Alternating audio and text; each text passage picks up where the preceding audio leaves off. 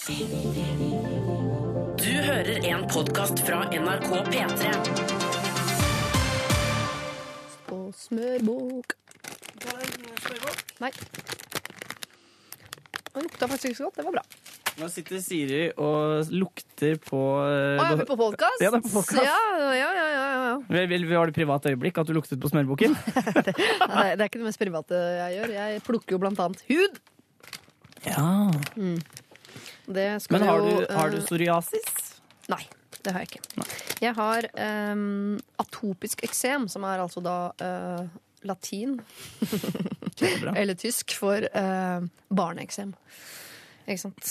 Uh, Men du, var, år, men du var i Thailand i, so i sommerferien, holdt jeg på å si, i juleferien. Mm. Uh, er det bra eller dårlig for den atopiske eksamen? Eller kjente du ikke noe Ja, forskjell? jo, ja, det er sånn typisk som moren min sier sånn ja, Nå blir det sol og varmt og saltvann og blæ det til blæ. Og det er sånn eh, Ofte så går det Det blir verre av at huden min må bli vant til nye liksom, fukt og temperatur og sånn. Mm. Men så blir den bedre av å ikke stresse. eh, og så blir den bedre av litt sånn um, men, eh, Den kan bli bedre, og så blir den verre igjen. Oh, ja. Fordi eh, Jeg får ikke sånn tørreksem, det blir borte. Men da får jeg sånn, fordi det er så mye fukt, det er så mye vann og mye krem og mye sånn, så blir det en annen Nei, så øh, både og svaret nei, ikke noe, begge deler.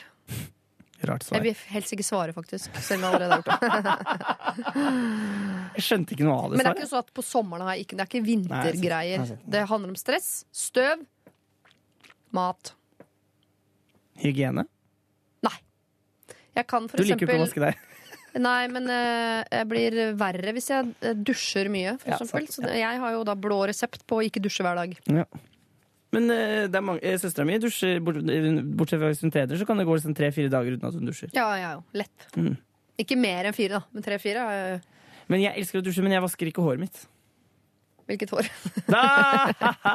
Du har masse hår. Jeg bare tuller. Det skal bli skalla, men, eh, men eh, ikke ennå. Nei, men, ja, men det høres også lurt ut. Men ofte når jeg dusjer, så er det nettopp fordi jeg må vaske håret. Men jeg svetter ikke heller, da. Jeg har, ikke, jeg har, Har veldig sjekket? lav svetteproduksjon. Ja.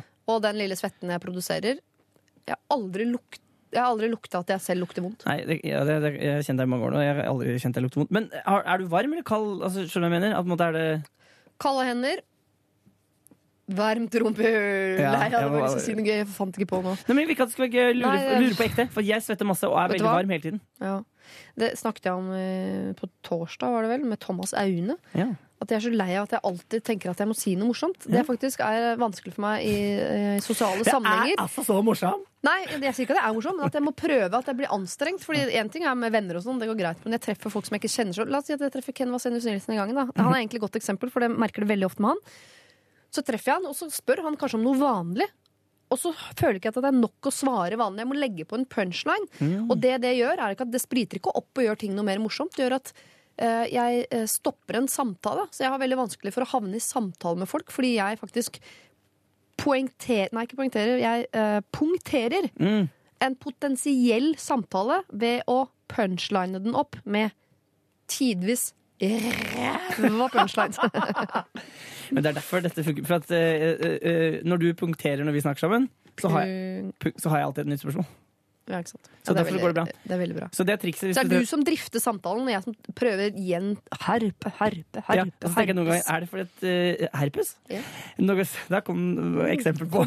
Juntafil-motoren opp. Sa du herpes? Men, det, Da må du smøre, smøre, smøre, tørke, tørke, tørke. men jeg skjønner hva du mener. Spre, at, eh, spre, spre. Hysj! For, jeg tenker noen ganger så, for du er jo noen ganger redd for at folk ikke har lyst til å snakke med deg.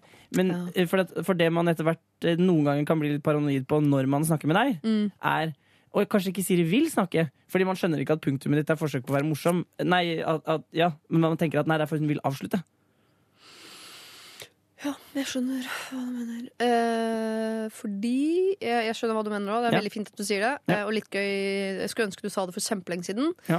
Eh, jeg, eh, har vi tid til å si det, snakke om dette? Ja, Jeg hadde et prosjekt, har et prosjekt, løpende prosjekt. Mhm. Vi har sendt mail til en del folk, eh, sjefer og eh, venner og sånn, og så spurt dem sånn, bedt dem om å være så snill å baksnakke meg. Ja. Kan jeg du fikk en sende mail. meg- Ja, ja. jeg har akkurat fått sendt den nå. Nei. Eh, Kan du være så sende meg en mail hvor du beskriver de tingene som er vanskelig ved meg? Altså Hvis du og en venn skulle snakket om meg, om, om meg sier Kristiansen, og sagt liksom faen det er irriterende eller det er vanskelig, eller skal bla, bla, bla. Få det ned, send det til meg. Ikke pakk det inn, jeg vil ha det.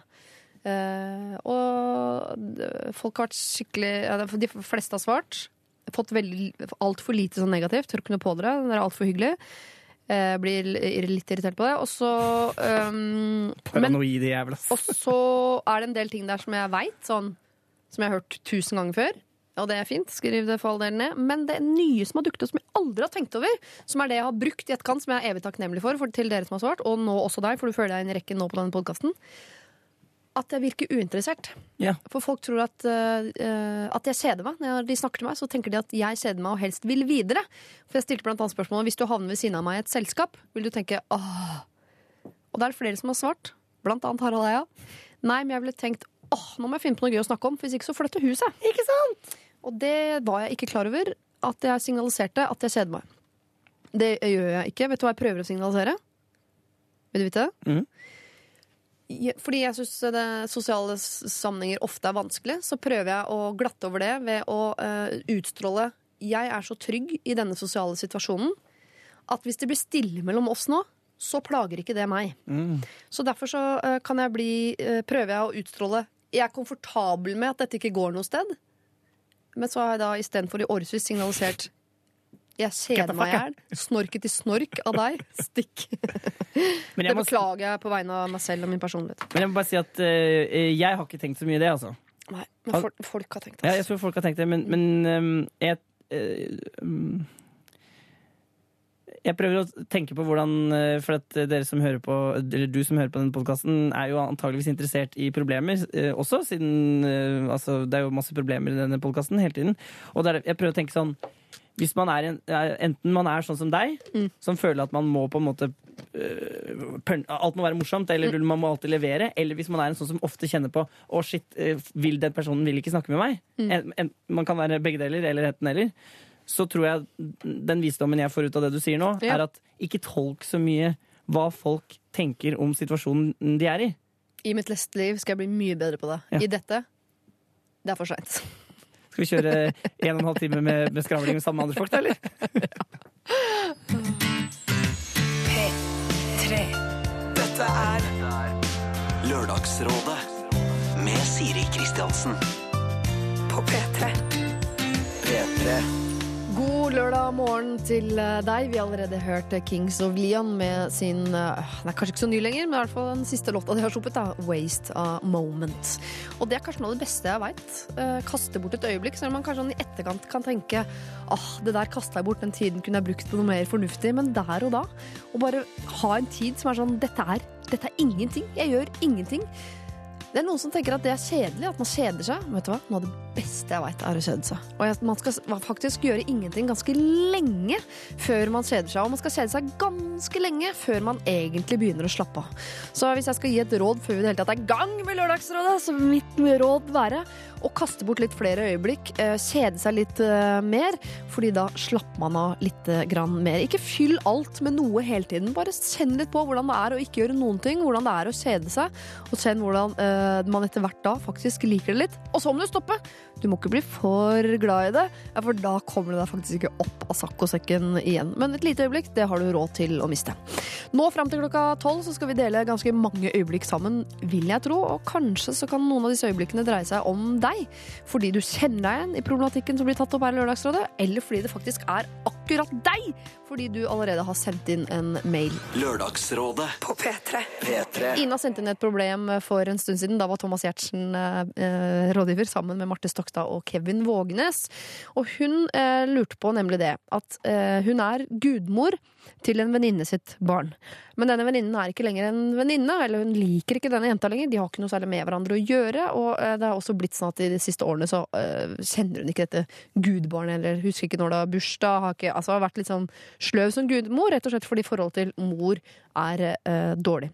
Så lurte hun på Må jeg fortsette å gi julegave og bursdagsgave til mitt gudbarn bare fordi det måte er mitt gudbarn? Jeg har jo ikke noe med det barnet å gjøre, jeg har ikke noe med moren til dette barnet å gjøre. Det blir bare, det føles litt falskt for meg å skulle gi denne gaven da to ganger i året. Hva syns dere jeg skal gjøre? Hva vi syns hun skulle gjøre, det skal du få høre et utdrag av her. Thomas Giertsen, Marte Stokstad og Kevin Vågenes. Lørdagsrådet. På P3. Men du, er ikke dette noe du har påtatt deg overfor dette barnet, og ikke overfor det Du kan du må følge opp det, og så får du det vennskapet. Det hørtes ikke så eh, bra ut. Det hørtes ut som hun hadde en slags tjenerrolle, og som ble straffet hver gang hun ikke leverte på den. Så fikk hun en ny sjanse. Jeg ville synes det vært veldig rart hvis det banka på døra det kom en budbil hver eneste julaften med en gave fra liksom, gudmor eh, Andrea som mamma ikke har kontakt med. Jeg har tatt på dette ansvaret, og i stedet for å kjøpe gave, så setter jeg inn 50 kroner hver eneste julaften. Noe mer enn det trengs ikke. Som et, akkurat som en planfadder, da. Fade ut, og det er ikke noe behov heller. Hun kommer ikke til å Altså, det er akkurat som jeg har ikke savna en onkel som heter Tore, for jeg har ikke det. Altså, skjønner du hva jeg mener? Altså, hvem bryr seg? Dette er Lørdagsrådet På P3. P3.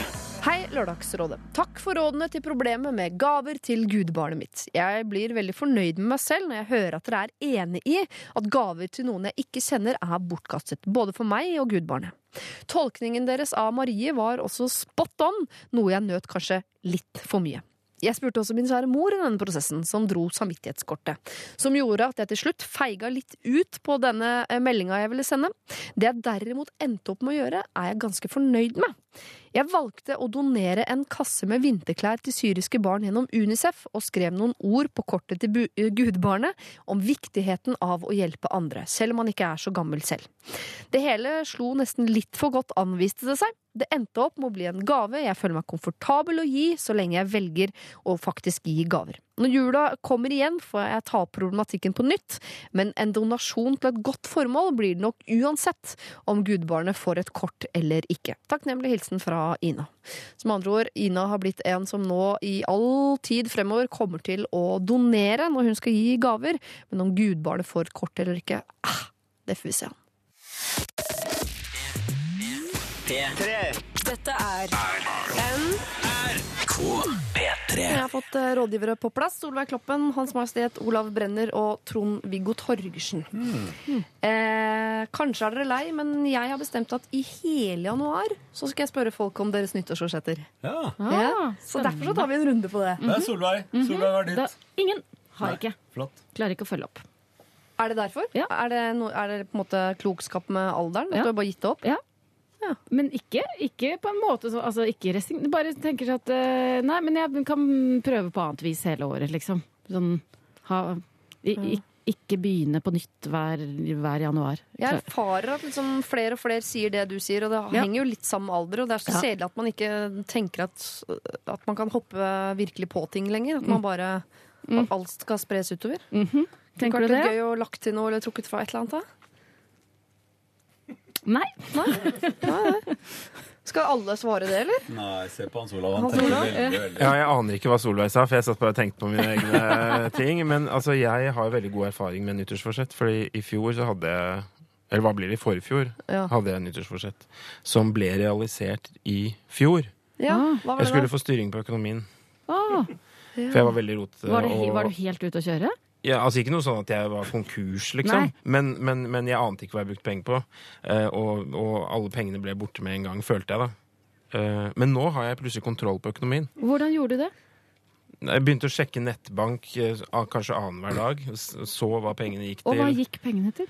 Ehm, ja, altså det var mye mat. Var det ja, mye mat? Mye mat sånn. altså, jeg har veldig sånn tendens til å ta veldig mye sånn kjappe løsninger. Ja. Betale Mm. meg ut av situasjoner. Være sent ute til ting. eh, Kjøre taxi for mange, mange, mange, mange penger. Mm. Orker jeg å dra ned til Oslo S for å ta flytog? Nei. altså Dette er veldig kritisk på mange plan. Da, det Ja. jeg holdt på med. Så, så der er jeg blitt et bedre menneske. Mer miljøbevisst. eh, Dette har fått mange. Så derfor tenkte jeg at jeg, nå trenger jeg jo ikke noe nyttårsforsett i år. For det er ganske utrolig jeg har klart å realisere et nyttårsforsett. Så nå tar jeg meg et hvileår, så får vi se igjen. Hvordan kom du hit i dag? Uh, jeg kjørte bil. Men det er også en av mine nye Det er ikke et forsett, men det er noe jeg har begynt med. Jeg har begynt å gå steder. Ja. Altså sånn eh, Gå Bor en ikke du ganske i nærheten? Jo, jo.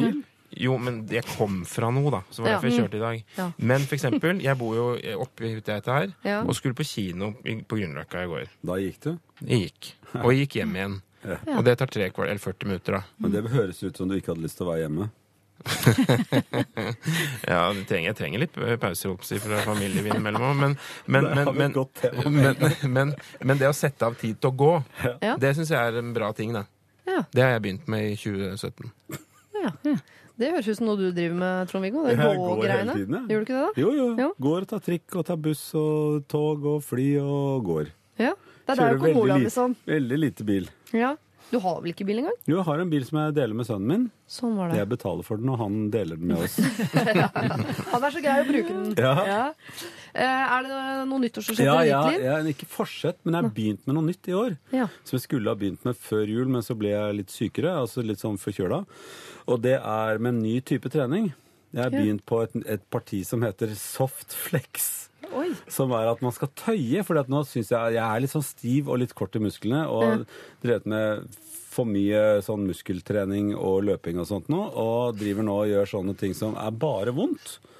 Og tøye og, og, og dra i ting og gjøre øvelser som bare ser helt latterlige ut når man ser på dem. Men som du gjør alene? Nei, da, i et parti som jeg syns er veldig flaut å være på et parti Ja, ja. med helt nye mennesker som ser helt annerledes ut og bemerker at jeg er der og alt det der, som jeg syns er kjempeflaut. Men jeg tenker gjør noe ubehagelig hver dag.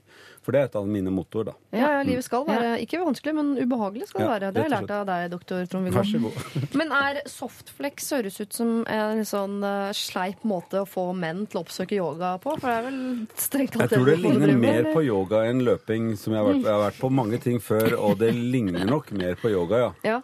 Og yoga tror ikke jeg er ikke noe Jeg har ikke noe yogakropp. Uh, altså, akkurat som jeg ikke har noe typisk ballettkropp. Så selv om jeg har veldig lyst til å Jeg hadde lyst til å være danser, da. Ja. Så eh, jeg syns det er så utrolig kult. Mm. så så jeg, jeg må jo finne meg i den kroppen jeg da har. Jo, men Helen Vikstvedt, god venninne av deg, Solveig Ja. Har vel heller ikke en eh, Og deg også, Ja, ja. Hans Olav. Sleng deg gjerne på. Ja, en av mine aller, aller nærmeste venner, faktisk. Hun har jo ikke noen klassisk dansekropp, hun heller, men hun er jo eh, profesjonell danser. Ja, Ja. Det går an. Men de tenkte jo det, de mennene som skulle ta henne imot da hun hopp, fløy altså på Balletthøgskolen. De som skulle ta og, I den Dirty Dancing-oppsetningen ja, de de tenkte vel også det, det kommer ikke en klassisk ballettkropp flyvende mot meg. Kunne det ikke vært Trond-Viggo Torgersen, da? Om ikke annet. Og der er vi i gang med programmet. Du. Dere, jeg regner med at deres sivile status er som før. Yep. Med tre eh, godt gifte og, og planta folk.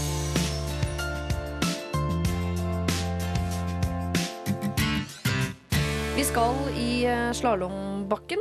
Eh, Står alle alpint her? Nei. Ja. Ja.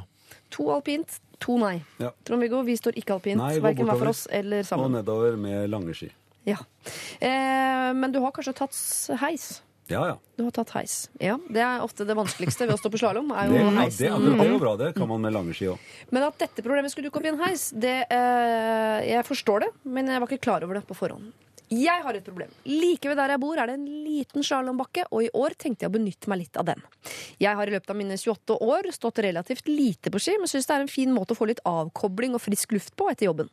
På ettermiddagen er det stort sett barn og ungdom som er der. I tillegg til de som er aktive i skiklubben, da. Trenerne deres og et par foreldre. Jeg er der alene, altså ikke sammen med noen jeg kjenner. Poengterer det veldig. Så til selve problemet. Det er heis av typen T-krok i denne bakken, altså en slik med plass til to. Det er også en koppheis for én person, men den går mye saktere og stenger tidligere på kvelden. Jeg tar derfor T-krok alene. Men i går opplevde jeg ved to tilfeller at fremmede menn, trenere eller fedre vil jeg anta, skled opp ved siden av meg mens jeg ventet på heisen og tok samme T-krok som meg! Jeg kjenner ikke kutyme godt nok her, men det føltes som en eh, invasjon av min intimsone. Man står veldig tett, og det blir vanskelig å plassere den innerste armen uten at man ufrivillig tar på vedkommende ved siden av. De spurte ikke om lov til å få ta samme heis, og de sa heller ingenting i løpet av hele turen. Siden det var de som hadde hengt seg på i min i anførselstegn heis, orket jeg heller ikke å ta initiativ til en smalltalk. Jeg ville jo i utgangspunktet være i fred. Heisturen føltes lang og klein. Er det normalt å ta T-krok med fremmede? Er det jeg som er sær? Jeg ønsker tips her til hvordan man kan unngå denne situasjonen i fremtiden, og eventuelt hvordan jeg kan håndtere den dersom det skulle skje igjen. Hilsen Nina. Er, dette er jo på en måte en uh, situasjon som I, i T-krok er den ny for meg, men det er jo samme som å havne på bussen sånn Man forventer jo at hvis jeg sitter på tosetet på bussen, så skal det ikke sette seg noen ved siden av meg før alle andre muligheter er tatt, eh, og skal man da snakke sammen? Og så videre. Veldig norsk. De fleste menn kjenner dette her fra sånn pissoarlogikk. At man, øh, hvis det er tissesteder, så tar man de som det er en, et pissoar imellom, inntil eh, man er så mange at man fyller opp. Og sette seg st helt inn, Hvis det er en renne, og stå helt inntil en annen på den ene siden av renna, er litt rart. Ja. Så det er en sosiologi, dette her. Men det er jo vi vant til, vi som er menn, at vi, det er en sånn type orden. Jeg trodde jenter var veldig mye mer til å gå på do sammen og sånt, og være Da har vi det ikke med fremmede menn i slalåmfrakk på beina. Veldig sjelden. Er- kanskje det er at damer syns det er litt ekkelt at menn plutselig kommer inn på dem. For at menn syns stort sett det ikke er noe vanskelig verken om menn eller damer kommer litt inn på dem med en trekrok. Jeg tror, ikke, jeg tror ikke det er det jeg ville reagert på. Men eh, hva er det som er ekkelt sånn damemessig ved det? Er det noe dame-mann-ting her? Altså det er jo veldig, Jeg skjønner jo at, at man Det var veldig mange ting som gjorde inntrykk på meg. Jeg syns det var veldig flott at dette mennesket kommer seg ut. Er du Så følsom? Ja, jeg er veldig følsom i dag. Og, blant annet. Og jeg, det gjorde inntrykk på meg at dette mennesket kommer seg ut på slalåm etter jobb. Det syns jeg var flott i seg selv. Og så syns jeg var flott at Først en vedkommende hyllest her, ja, ja. hyllest, Ja. Og så synes jeg var flott at vedkommende drar alene i slalåmbakken, hvor tydeligvis veldig mange da holder på Men bor sammen. veldig nære, da. Ja, ja, det er sant. Men så synes jeg dette, jeg har aldri vært borti dette her at noen har slengt seg på T-kroken. Altså, eh, Da må være veldig mye folk. Da må være veldig press på den T-kroken. Ja, men er det ikke det som For jeg tenker, eh, i de små bakkene, eh, eh, så er det jo ofte bare to bakker eller, og, og noen få heiser som gjør at det er vanvittig køer nesten uansett når du er der. Nei, det, det- står her dessverre ikke for Å, å nei. ødelegge som en tilleggsinfo. Det Ja. var ikke kø Å i nei, heisen. OK. Å, ja. Å ja. Men går det ikke an bare da så eh, si vær så god, ta den til eh, denne mannen som trenger seg på? ja. Men da blir det litt rar igjen. Er det det? Nei, jeg står her og fikler med noen ting, så Ja, bare ta den, ja, du. da må du fikle, ja. Jeg, jeg tror, det jeg tror, er at dette mennesket, Nina heter hun, overdriver liksom den der slags eh, betydningen av den sosiale settingen. For jeg tror at når du står på T-krok, så må du liksom fase ut det at det står et menneske ved siden av deg. Og så må du tenke mye mer at du er en del av en sånn lang bevegelse oppover. Så du står på en eller annen mystisk måte i like intimt eller ikke-intimt forhold til de som er på den T-kroken foran, og de som er på den T-kroken bak. Liksom bare er i samme greie med mange andre, og så står det tilfeldigvis et sted et menneske veldig tett på. Men det må man liksom bare abstrahere litt. Ja, for du er ikke noe nærmere på dette mennesket enn du er eh, Hvis du er på konsert, for eksempel, så står du nærmere på mennesker. Og det eh, som jeg mener er positivt her, er at man har på seg uh, ullundertøy og boblejakke, og det er veldig Det er langt lag. inn til huden. Ja, men i all verden, altså Folk går jo i teater, der får man jo tildelt en plass sammen med et helt vidt forskjellig menneske. Ofte på begge sider, hvis man er alene. Ja. Eh, Så det må være forberedt på at man eh, Altså, intimkontrakter er jo veldig forskjellige når man sitter ved siden av hverandre, eller når man står rett mot hverandre, f.eks. Hvis, var- hvis man sto mint mot hverandre i en sånn der tekrok, så ville jeg kanskje følt at det der, der var Da må jeg lene meg litt bakover hvis jeg kom så nære på folk. Men du er jo parallelt med folk, og det er jo hele livet. Jeg sitter på flyet, sitter på bussen, går i kø. I kø, eksempel, er jo han mye mer stappa, da. Ja, Det må du bare godta. Men hvordan skal man gjøre da denne eh, reisen som skulle være en singelreise, som plutselig ble en, en eh, fellesreise, litt mindre klein? Jeg syns at dr. Bremmer begynte med en veldig fin terapi. At man må si at man er en del av en linje, bare. Hvis hun har vanskeligheter med å stenge ut denne som står tett innpå seg, så vil jeg anbefale mitt vanlige triks, og det er å ha eh, ørepropper som man ikke bruker til lyd. Bare ser ut som jeg holder på med noen ting. Eh, Det er et veldig godt triks. Mm. Men det er, jo, det er jo ikke noe sted hvor man skal snakke med noen i en tekrok. Det er ikke noe det er ingen som forventer, Nina, at du er nødt til å snakke med vedkommende. Ja, men Dere har kjent på følelsen bare man står i heis. Mm. Det er greit hvis man er syv stykker, men idet du står i heis og det er én til så det er, Stillheten er rarere da. Det er, ikke, det er ikke så stille. Det bråker veldig av den tekroken, og den zhug, zhug, zhug, det, det svirrer litt inn, og det lager lyd, og du er ute, og vi skal ikke snakke sammen. Til og med i løypa sier man bare hei, god dag, hvis man hilser på noen. Men propp i øret er et godt triks. Men bare husk å ikke late som du snakker i telefonen, for plutselig ringer telefonen. Ja. Ja, Og så er det vel sikkert eh, Må man ikke holde seg fast i en sånn heis òg? Eller går det av seg sjæl? Bare én. Du bør ikke ja. holde så fryktelig mye. Faktisk Hva syns du, Brenner? Nei, jeg syns det er veldig flott at hun overhodet ikke har problemer med å komme seg på den T-kroken. Eh, Jeg har hatt mye sånn traumatiske Jeg begynte å stå på snowboard en periode. Så jeg synes det var veldig vanskelig. Jeg hadde oppe i Aurdal alpinanlegg hadde noen veldig vanskelige opplevelser med den eh, tekroken der, med noen mye yngre fettere som jeg liksom skulle ta med på tur, og som var veldig flau over meg, husker jeg.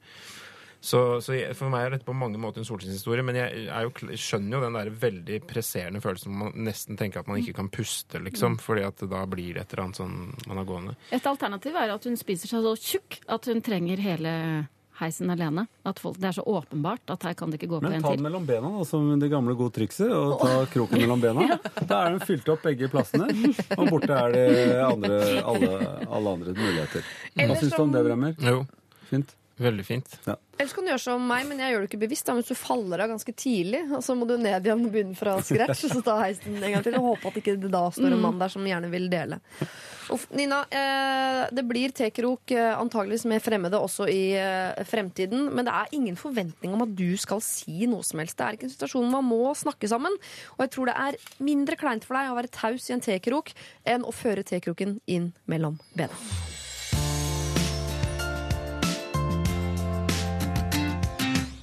Vi har allerede vært en tur i uh, slalåmløypa, og nå skal vi i et 30-årslag. Kjære Lørdagsrådet. Jeg og kjæresten min skal feire 30-årsdag sammen til sommeren. Vi har i den forbindelse leid et stort partytelt på en øy. Vår opprinnelige plan er å ha venner der på lørdag og familie på søndag. Nå har imidlertid svigermor kommet med noen innvendinger om at de gjerne vil komme på lørdag, de også, og overnatte til søndag i likhet med alle vennene våre som kommer. Da jeg nevner det for eh, moren min, at jeg syns det blir litt awkward, så sier også hun at hun og min far ville passet det rett inn, og at de heller kan ha en tilstelning hjemme hos seg med øvrig familie, og at vi derfor bare har selskap på lørdagen. Er dere med så langt? Ja. Mm. Jeg burde vel være voksen nok til å tåle å ha foreldre og svigerforeldre i bursdagen min, og spesielt når de gjerne vil komme selv. Men en del av meg føler at jeg kommer til å bli flau over dem og bry meg overkomt mye om eh, hvordan de ter seg, og ikke minst komme til å legge bånd på meg selv og hvordan jeg drikker og fester for øvrig. Så Lørdagsrådet. Hva gjør jeg? Leker like barn eh, best? Er alder bare tall? Er jeg for gammel til å bli flau over foreldrene mine? Skal svigers og foreldre få komme i 30-årsdag? Og skal vi bare ha én stor fest? Og så videre. Hilsen Frida. At man skulle være med å forme denne eh, 30-årsdagen. Det er ikke prekært, for det er ikke før til sommeren, og det er dessverre ganske lenge til. Men kjører vi to dagers med svigers, to dagers uten, hvordan syns vi vi skal legge opp løpet her? Sto det noe om hva kjæresten tenkte? Nei. Nei, men Nei. De har i hvert fall snakket om det, så jeg tipper at de er ganske enige før de sender inn mail. Ja. Ja. Mm, mm. Så Frida og Frode, da. La oss Ja. kalle dem det. ja. Ja. Hmm. Jeg syns det er veldig fascinerende akkurat dette her at de sitter og planlegger sånn litt på egne premisser, og så ringer svigermor. Vent, vent, liksom! Det kommer ny informasjon her. Hun vil komme på lørdag. Ja. Nå må vi tenke nytt. Eh, det er litt fremmed for meg, for jeg tenker at eh, eh, Eller det er interessant, for jeg tenker at de premissene de har lagt til grunn, bør jo gjelde så, så langt det er mulig. Um, Ja, for det er jo rart med folk som legger seg borti en invitasjon. Hvis du har invitert til noe, og så kommer de med innstill tilbake sånn. Jeg ser jeg har mottatt en, eh, en invitasjon. Jeg syns vi skal gjøre det annerledes. Det ja, er, det er veldig fremmed. Ja. Eh, Jeg syns 30-årsdagen er et typisk sted hvor man skal bestemme alt selv. ja. Altså, Foreldrene har ikke så fryktelig mye å si på 30-årsdagen, syns jeg. Eh, Så de skal være kjempeglade hvis de blir invitert. Eh, og hvis de da sier skal vi gjøre det på en annen måte og tilbyr seg å gjøre det til, så er det bare som et forslag. Jeg syns 30-årsdagen virkelig er sånn nå er jeg ordentlig voksen. Da skal man bestemme, selv. ja, For dette her minner for mye om et bryllup, tenker jeg. Og da kan man jo ta det som en øvelse på bryllup, og nemlig bli med Men og la alle bestemme sånn. Men, ja, ikke sant? men jeg hørte ordet øy her. Ja. Var det noe sånn bruforbindelse, eller altså, er det, en, det på en måte en veldig manøver å komme seg ut på den øya, og skal vi ha forståelse for at de vil øh, overnatte osv.? Ja, jeg skulle ønske jeg kunne svare på det. ja. Men eh, å ha både svigerforeldre og foreldre på besøk samtidig er jo også en kraftig øvelse, da. Eh, og, og særlig inne i et hus hvor du kanskje hadde Telt. Ja, Ja, De skal vel ikke ligge over i det partyteltet. De skal vel ha party i partyteltet og også ha, ha overnattingsgjester i overnattingssteder. Hvis du har et hus og et telt, syns jeg det er rart å kjøre fest i teltet og soving i hus. Da vil jeg, jeg vil tro de skal sove i telt også. Oi. Sove Å, i partytelt. Men kanskje ikke i partyteltet, men at det er At det er- flere og enda mer kummerlige telt. Ja. Så for meg sånn sovesal i gammelt bedehus eller noe sånt, men det kom ikke frem. Jeg tipper at dette er Oksnøya i altså Vannsjø, Ja, Moss, ja, Akershus. ja. Nei, Østfold. Ja, Østfold.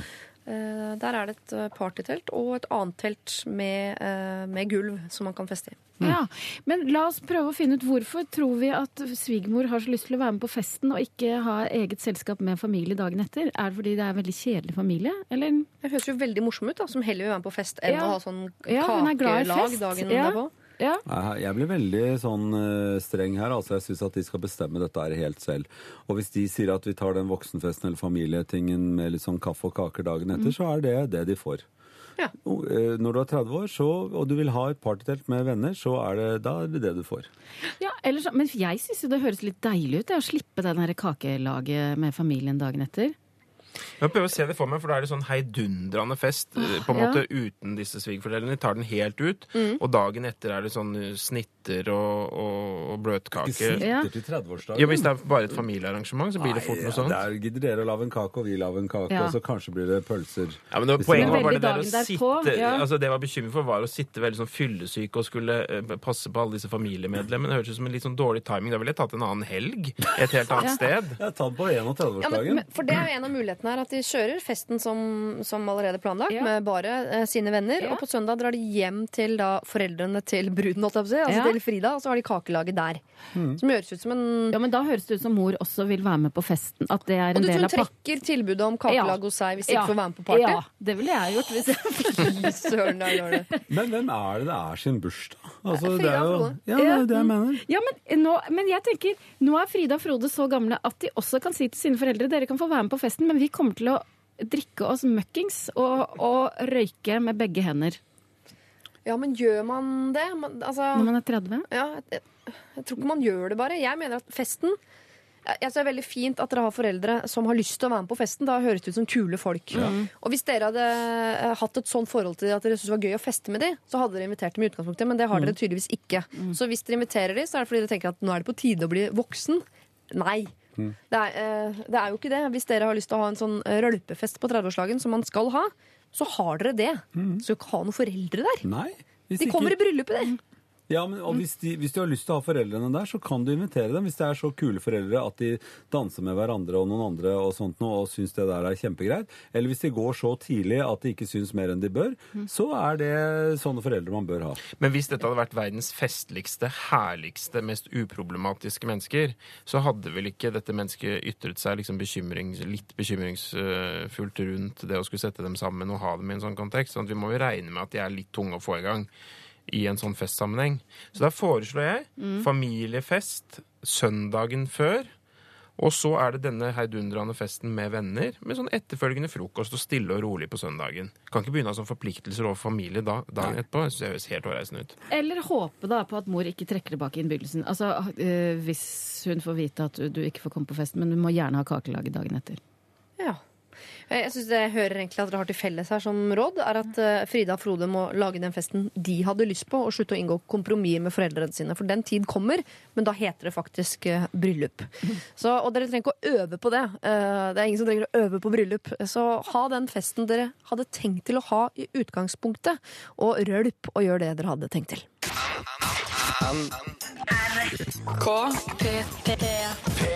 P3. Sara Larsson, I Would Like eh, fikk vi der, og før det Styggen på ryggen, Onkel P og De fjerne slektningene.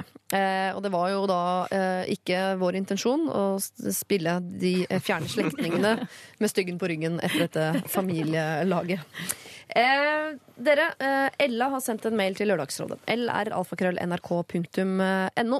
Hun er 17 år gammel og har et problem med foreldrene sine, hun også. De er fantastiske, de, altså. Problemet er dette. Det siste året eh, har jeg merket at jeg har blitt nedstemt og er i ferd med å bli ganske deprimert. En kompis av meg anbefalte meg å dra til psykolog, da dette har virket for han.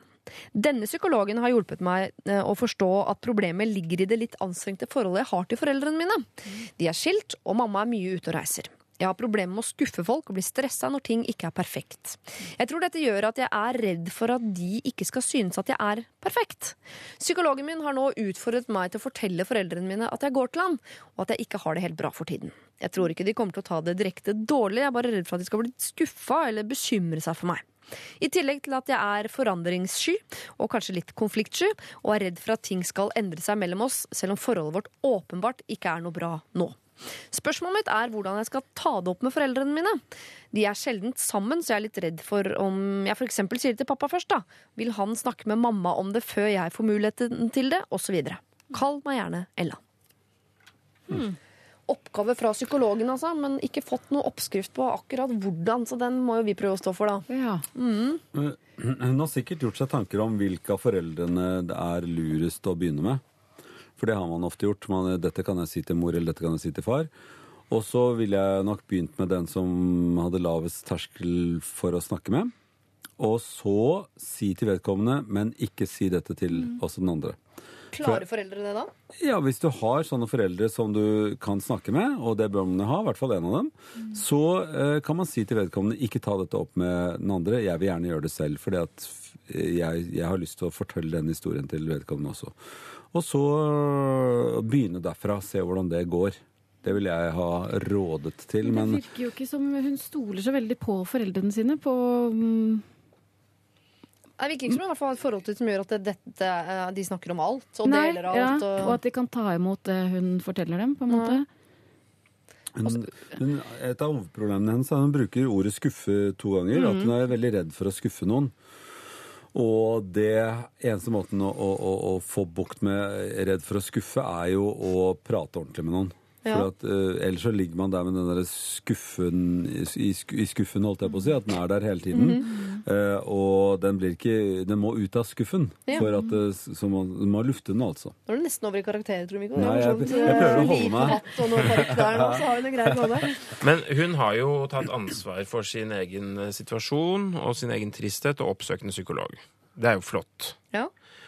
Og så sier hun det til foreldrene. Hvis de da mot formodning skulle bli skuffet over henne, så kan hun i hvert fall være trygg på at det ikke er hun som er problemet. holdt jeg på å si. Altså, Det er jo veldig dårlig eh, Eller en veldig dårlig måte å takle det på fra foreldrenes side, og kanskje ikke så sannsynlig heller. Eh, kanskje er det langt mer sannsynlig at dette vil få i gang en eller annen dialog. Ja, de vil sikkert bli litt bekymret, som hun er bekymret for at de kan komme til å bli. Eh, men det lever de jo godt med. Ja. Så det kan være en veldig fin igangsetter. Eh, jeg tenker, eh, Hvis det er skuffet hun er er eh, redd for, eh, så tenker jeg at eh, hvis foreldrene Nå prøver jeg liksom å sette meg inn i det som foreldre. Eh, hvis jeg hadde blitt skuffet, så hadde jeg blitt skuffet over hva jeg hadde klart å prestere som mor, siden jeg har klart da å gjøre at datteren min er så redd for å ikke være perfekt Ja, i mine øyne at hun må oppsøke en psykolog. Da hadde jeg blitt skuffet over meg selv. Og så tror jeg også jeg hadde blitt mer skuffet hvis jeg hadde blitt mer skuffet over at datteren min ikke kunne si det til meg, enn det faktum at hun gikk til psykolog. Så jeg bare tenker, den Hvis det dukker opp noen skuffelse her, så er det vel høyst sannsynligvis ikke over deg, men over seg. Og det fortjener det jo. Det fortjener man hvis man har gjort en dårlig jobb som mor og far. Man får en liten dusj i trynet. Så da, Ja, så har jo Dette er jo alltid minst to sider, da. Altså Én ting er forholdet mellom mor og far, hvorfor de gikk fra hverandre, og at det kan jo ligge noe der som, som, som barnet blir, blir ut, eller har blitt utsatt for og driver og, og ruger på, som er en del av det å ha skilte foreldre. At man kanskje påtar med seg ting som man ikke skal eie. Eh, og at det kan hun tenke på kanskje selv, at det kanskje denne nedstemtheten hennes ligger litt der også. Og, og det kan også hjelpe på å snakke med dem eh, om det. Uh, for det at det er som du sier, de, de voksne som skal ha det vanskeligst når de får det der tilbake. Men er det ikke også litt sånn at voksne innimellom syns det er vanskelig å komme inn i de der pratene? At de innimellom Jeg har ikke noen statistikk på dette, men at det er en del foreldre rundt omkring f.eks. i dette landet som venter på en anledning til å snakke med barna sine, og så vet de ikke helt hvordan de skal komme i gang. Så det kan jo bli veldig godt tatt imot også, ideelt sett, eh, at hun åpner seg bitte litt. Kanskje kan de da få i gang en veldig god dialog som de har ventet på i realiteten. Hvis vi er heldige. Og vi foreldre vil jo bare vite Vi vil jo fryktelig gjerne vite hvordan barna våre har det. Det er Ja. jo det man vil, er det ikke det? jeg tror der og da så kommer du antakeligvis til å tolke situasjonen Ella, som at de eh, kjenner på det, for det kommer til å bli litt kleint og rart og sånn. Men jeg tror etter denne praten så tror jeg de foreldrene, kommer- foreldrene kommer til å sette kjempepris på at du har tatt opp med dem. Og jeg tror forholdet mellom deg og din mor og din far kommer til å bli mye bedre, bedre etter det. Og det er så egentlig som vi sa tidlig i dag morges, at eh, ja, livet er noen ganger vanskelig, og det er dumt, men det skal være ubehagelig. Lørdagsrådet med Siri Kristiansen. På P3. Siste låt fra Daniel Kvammen med 'Dansar ikke for moro skyld', som låta heter. Jeg er rimelig rå på nynorsk, da. Det er det jeg har Det å si. Ja. kanskje. Det er da man hører hvor fint nynorsk kan være. Vil du ha mer av dette, så har jeg diktopplesning på Litteraturhuset i Oslo den 27. februar Å, det blir så grusomt. 2027. Håvard eh, har eh, også hatt et eh, Eller har et problem som også har dukket opp i slalåmbakken, dere. Dette er ikke en temasending, altså på ingen måte. Men det er jo vinter, selv om ikke det ser sånn ut akkurat her hvor vi befinner oss på Østlandet. Hei, Lørdagsrådet. Det har oppstått et problem med en veldig god venn. Greia er at jeg er glad i å ta bilder og har god erfaring med det. Så var det en gang at jeg og noen venner var i skibakken. Så jeg som fotoentusiast var rundt de og tok bilder av de mens de kjørte offpist. Disse bildene ville han ene ha i ettertid, så jeg redigerte og brukte litt tid på bildene, slik at han kunne få dem. Han får dem, og jeg gjør ikke noe spesielt med disse bildene i etterkant, og dette er nå en god stund siden. Så får jeg en snap, kaller han Per, fra Per. Hvor det er et bilde av nettsiden til skisenteret vi hadde vært på. På siden befinner mitt bilde seg. Først skjønner jeg ikke hvordan det kan ha havnet der, så jeg spør de jeg visste at hadde fått bildene av meg. Og da får jeg vite at Per har sendt dem inn. Dette har Per gjort uten min tillatelse. I samme melding får jeg også vite at han har fått et sesongkort og annet stæsj til en verdi på rundt 4000 kroner.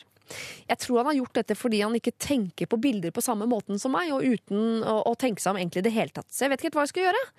For jeg vet at eh, han kan få veldig dårlig samvittighet, noe jeg ikke vil gi han. Og jeg syns det er veldig gøy at bildet mitt kom på siden deres. Men jeg som student så hadde jo ikke takket nei til å få noe for det. Samtidig unner jeg jo han et sesongkort, siden han er så glad i å stå på alpint. Så eh, hvis jeg velger å ringe skisenteret og spørre hvor har dere fått dette bildet fra, så setter jeg jo Per i en litt vanskelig situasjon. Gjør jeg ikke det, da? Hilsen Håvard. Oi. Ja, jeg tror, og det må jeg bare innledningsvis si, at jeg tror at folk som tar bilder, nok har et annet forhold til bilder enn folk som bare For meg er bilder bare bilder. Jeg, jeg klarer liksom ikke å, å legge den verdien i det som den fotograf uh, gjør. Men her er det snakk om 4000 kroner og sesongkort ja, og at sånn. Men... du vet jo at uh, hvis det er deg, deg som kjører på bildet, så er, kan du regne med at det ikke er du som har tatt bildet. Ja, det er helt riktig. Mm. Samtidig som man tenker at når det er meg som det er bilde av på, altså er på bildet, så er det jo på en måte mitt bilde også. Noen tenker litt sånn at det, det er jo meg, dette her. Ja. Men alle er ganske like med hjelm, da. På en Ja. måte. Eh, Ja, ja ok. Ja. Uh, Det det la et nytt perspektiv, plutselig. uh, eh, Jeg vet men- ikke, Han kan ikke legge til sånn Jeg må ha verdier til rundt 4000 kroner, for nå er mitt fjes og kropp brukt opp hva Mm. bildet på alpinsider angår. Det går ikke. Det ville en modell tenkt. Eh, for her er det snakk om rettigheter på et eller annet vis. Altså, det er en del av det som er rettigheter. Og rettighetene til disse bildene har jo den som har tatt bildet. Ja, Der er Håvard sitt på Så det, hvis han tenker at disse bildene hadde jeg tenkt at skulle gi meg noen penger på et eller annet tidspunkt, så bør han jo si til det skisenteret, eller få han Per eller hva han heter for noe, til å hjelpe seg å si til skisenteret at nå er jo de gitt dit, men det er faktisk mine bilder, så de kan ikke distribuere dem videre. Og med tanke på at det liksom er dine. Så jeg vil gjerne ha mitt navn koblet til de bildene for rettighetenes skyld. Da har han ryddet ut den der, men jeg tror ikke han får noe penger for det. Og si det til Per eller til skisenteret. Kanskje Per, Per- burde si det sånn at han, sånn at han ikke kan bare ringe skisenteret Ja. og påstå at det er han spiller. Mm. Eh, da har de hjulpet hverandre litt. Og hvis Håvard da eh, sier dette til Per, så kan det jo hende at Per også tenker å ja, søren. Det er sant. Det var jo du som tok det bildet. Kanskje Ja. du også burde få et sesongkort? Ja, Jeg bare ser dette her fra skisenterets side, da. Ja. Altså, ja. tele telefonene, og, og de sitter på sånne møter der og bare Folkens, dette her med bilder og bilderettigheter, det har vi ikke tatt alvorlig nok. Det koker der ute. Folk krever sesongkort over en lav sko, og, og hva de har satt i gang med å begynne å dele ut sesongkort for et sånn random bilde av et menneske på ski. Sik jeg vet ikke, det kan hende det er et eminent bilde, da, men skulle gjerne sett det, men det får vi sikkert ikke gjort. Det bør jo være bra, da. Det bør være veldig, veldig, veldig, ja, det bra. var kult. Det bruker vi som reklame, dere. Mm. Og så kan du ikke bare gi han der et sesongkort. Da. Han Ja. har jo vært Ja, hyggelig å det, gi også. der er du inne på noe. Altså, hvor, hvor mye blir dette bildet frontet, liksom? Er det plutselig på flyers? jeg tror det er nettsiden deres, på en måte. Mm. Og oppå, altså da, eh, typisk en mann opp ned med ski på, gjerne se ned, så meg står det noe sånn Hemsedal. Ja, for sånn kort som du, Er det sånn fortsatt? Jeg har ikke vært på slalåm på året i dag. Men at sånn kort som du putter bort på automaten når du skal inn og ta tekroken, apropos tidligere Ja. Hvis det plutselig dukker opp på den der slags lille firkanten som du putter bort på maskinen osv., osv., da mener jeg at da er det mange som bør få betalt her, altså. Men det skisenteret har antakeligvis brukt det for det det er verdt. Ellers så reagerer jo ikke han som sender inn dette her på samme måte. Og da bør han Jeg syns han bør passe på at det ikke går videre. At det ikke spres som en verdi som plutselig skisenteret har. For de kan jo si dette er et sånt skisenterbilde, det kan dere få kjøpt av oss. Ja. Dere sveitsere, ikke sant? Hvis han ikke setter sitt navn på det, at han blir en opphavsmann til det, så kan det kan Og dette kan han på jo si til Per på en helt, Helt grei måte, fin måte. Ja. Ja. ja. Det, som, det vi ikke vet her, er jo Det kan jo fort vekk ha vært en fotokonkurranse som denne Per later som han har vunnet, og så viser det som det er Håvard som har tatt bilde. sånn. Det kan jo potensielt bli litt flaut for Per, dette her. Det bør det bli, hvis det er sånn. Ja, men det er likevel Håvard er veldig redd for å være kjip. Eh, Og jeg forstår følelsen, men hvis du er kjip, Håvard, så har jo Per på en måte vært kjip først. Så han begynte. Men går han, Han er bare litt forvirret, Per. Han er ikke det? Altså, han har bare tenkt at dette er jo greit. Det er akkurat som hvis folk hadde tatt en låt eh, som jeg har sunget, og si at den er min. Jeg bare synger den, jeg, dere. Og så Hvem er den sin? Det er min. Eh, og så er den jo ikke det, for den er min. Ja. Altså, nå har jeg brukt min to ganger feil, men eh, eh, altså, rettigheter er jo litt viktig når det kan bli penger ut av det. Penger, Absolutt. ordentlige penger, da. Ja. Ja. Virkelig penger, ikke lekepenger. Og Håvard er på en måte en eh, hobbyfotograf, men det kan hende han blir en fotograf. Ja. Ja, At det bildet kanskje blir en PRs, PR for at han er fotografen. Ja. Så hva ender vi på da? Eh, Håvard, jeg synes det høres ut som du må si til Per at eh, Hei, jeg ser at du har gitt det bildet jeg tok eh, videre. Det er greit, du fortjener det der eh, sesongkortet osv. Men sånn rettighetsmessig så vil jeg gjerne ha navnet mitt på det bildet. Vil du ringe, eller vil du at jeg skal ringe? Ja. Og så ta det derfra. Ja. Gjør det, du. Dette er Er P3. Hvis eh, noen har hørt musikk, så har andre forsynt seg Ikke grovt, men forsynt seg eh, høflig av smørbukkposen som du har med deg i dag, eh, Solveig Kloppen. Du har jo, Solveig har alltid med seg godteri hit til Lørdagsrådet. men Ofte er det godteri fra Hviterussland eller uh. Moldova eller et eller annet rart. Rakk ikke den butikken i dag. Nei, så i dag er det vanlig smørbukk. Ikke helt. Nei, det er med sjokolade utenpå. Smørbukkuler. Hvordan var de? De var helt greie. Helt greie. Du er ikke en karamelltype, med en lakrismann? Nei, jeg er nok en lakrismann, ja. Du er en lakrismann, ja. Ja, i utgangspunktet er jeg nok det. Og her om dagen lagde jeg karamellisert popkorn. Jeg bare nevner det. Mm. Ja, der er ikke jeg kommet ennå, altså. Nei, Og hvordan kan- lager man det? Man tar popkorn og karamelliserer det. Så. Karamelliserer man det med. Det er helt riktig, det. Ja. Kan ta en runde på dette på uh, off, for å si det på den måten. Dere, vi skal uh, få kjenne på den deilige følelsen det er å ha makt. Eh, noen har det jo hele tiden, andre får det bare tidvis, og andre får aldri sutte på den karamellen. Det er tante Sofie og politimester Bastian som skriver inn. Hei, kjære Lørdagsrådet. Jeg og min mann skal få eh, barn om to uker. Problemet er bare at vi inntil for tre måneder siden var enige om at han skulle hete Alfred, men så var mannen og vår eldste på teater og så Kardemommeby, og nå vil mannen at babyen skal hete Tobias. Vi klarer ikke å bli enige. Jeg har gått og kalt babyen i magen for Alfred i mange måneder, og klarer altså ikke å bytte navn da til Tobias.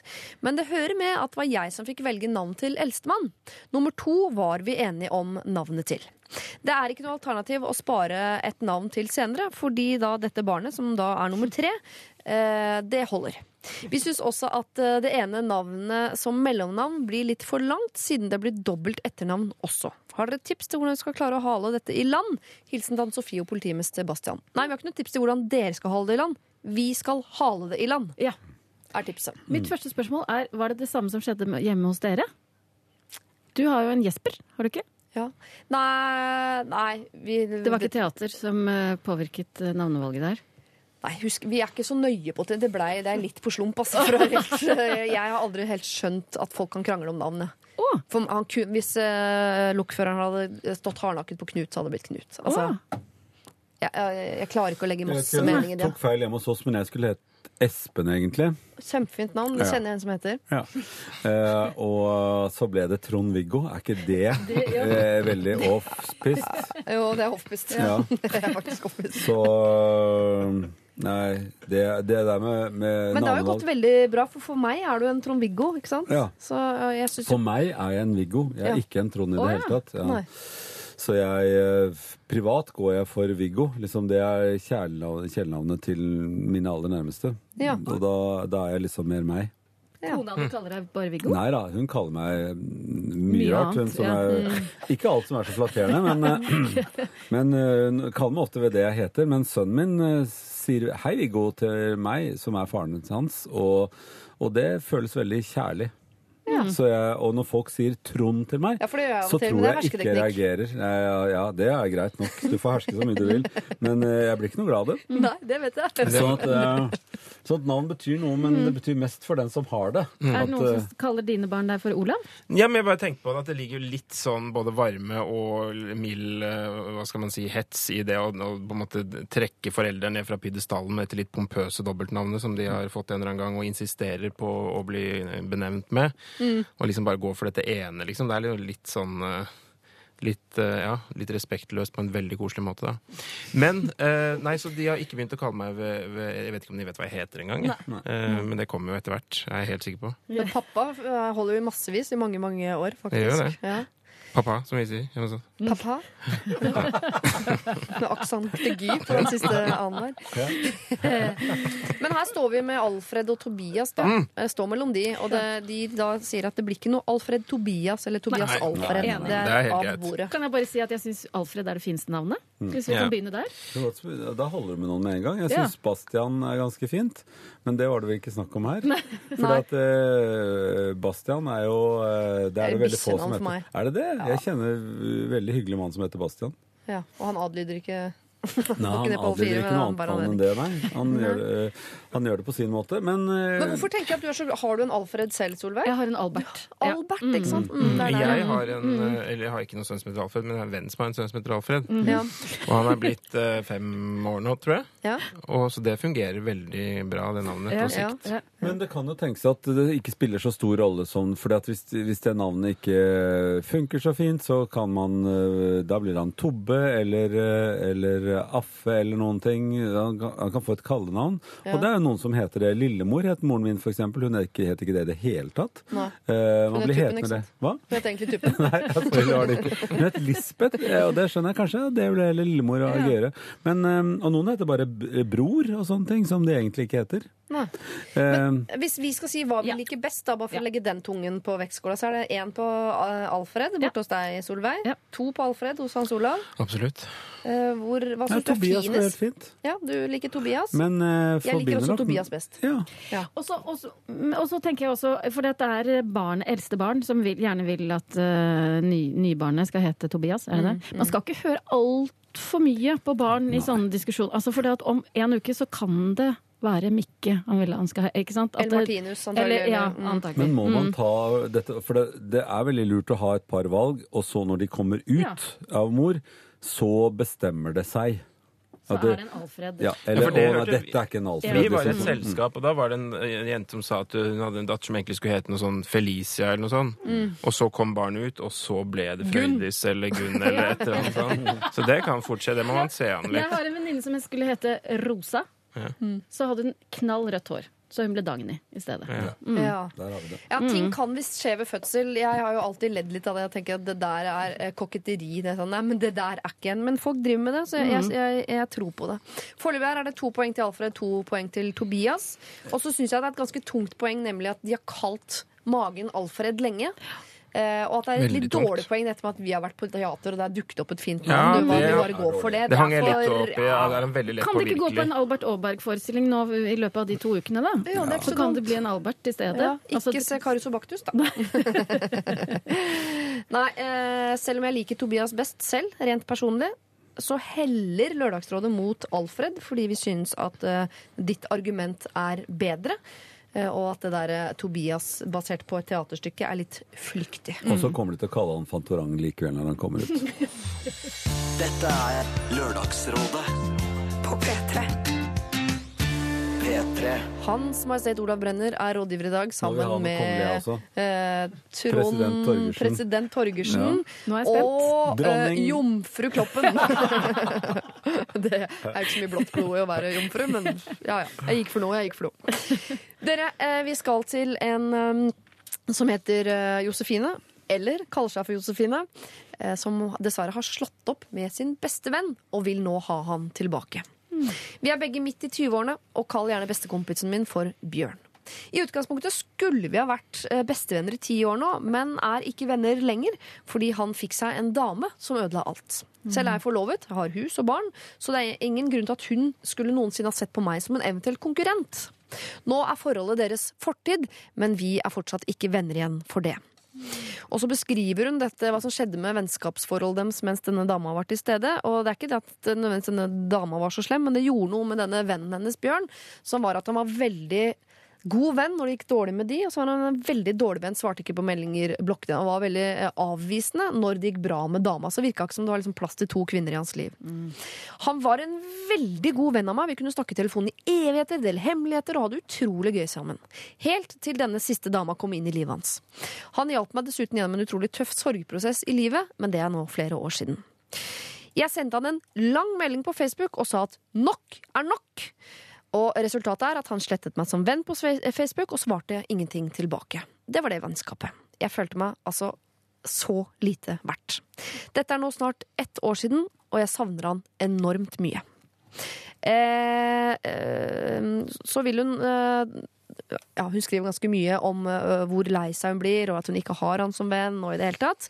Og lurer på om det er noen sjanse til at hun kan få han tilbake som venn, og hvordan hun eventuelt skal uh, gjøre det. Har vi noe råd til hvordan man skal klare å på en måte, nærmest sjekke opp en gammel venn for å få han tilbake som venn? Mm. Kjære Bjørn, nok var ikke nok. Jeg savner deg. Kan vi snakkes? Det var det rådet. Da går vi videre.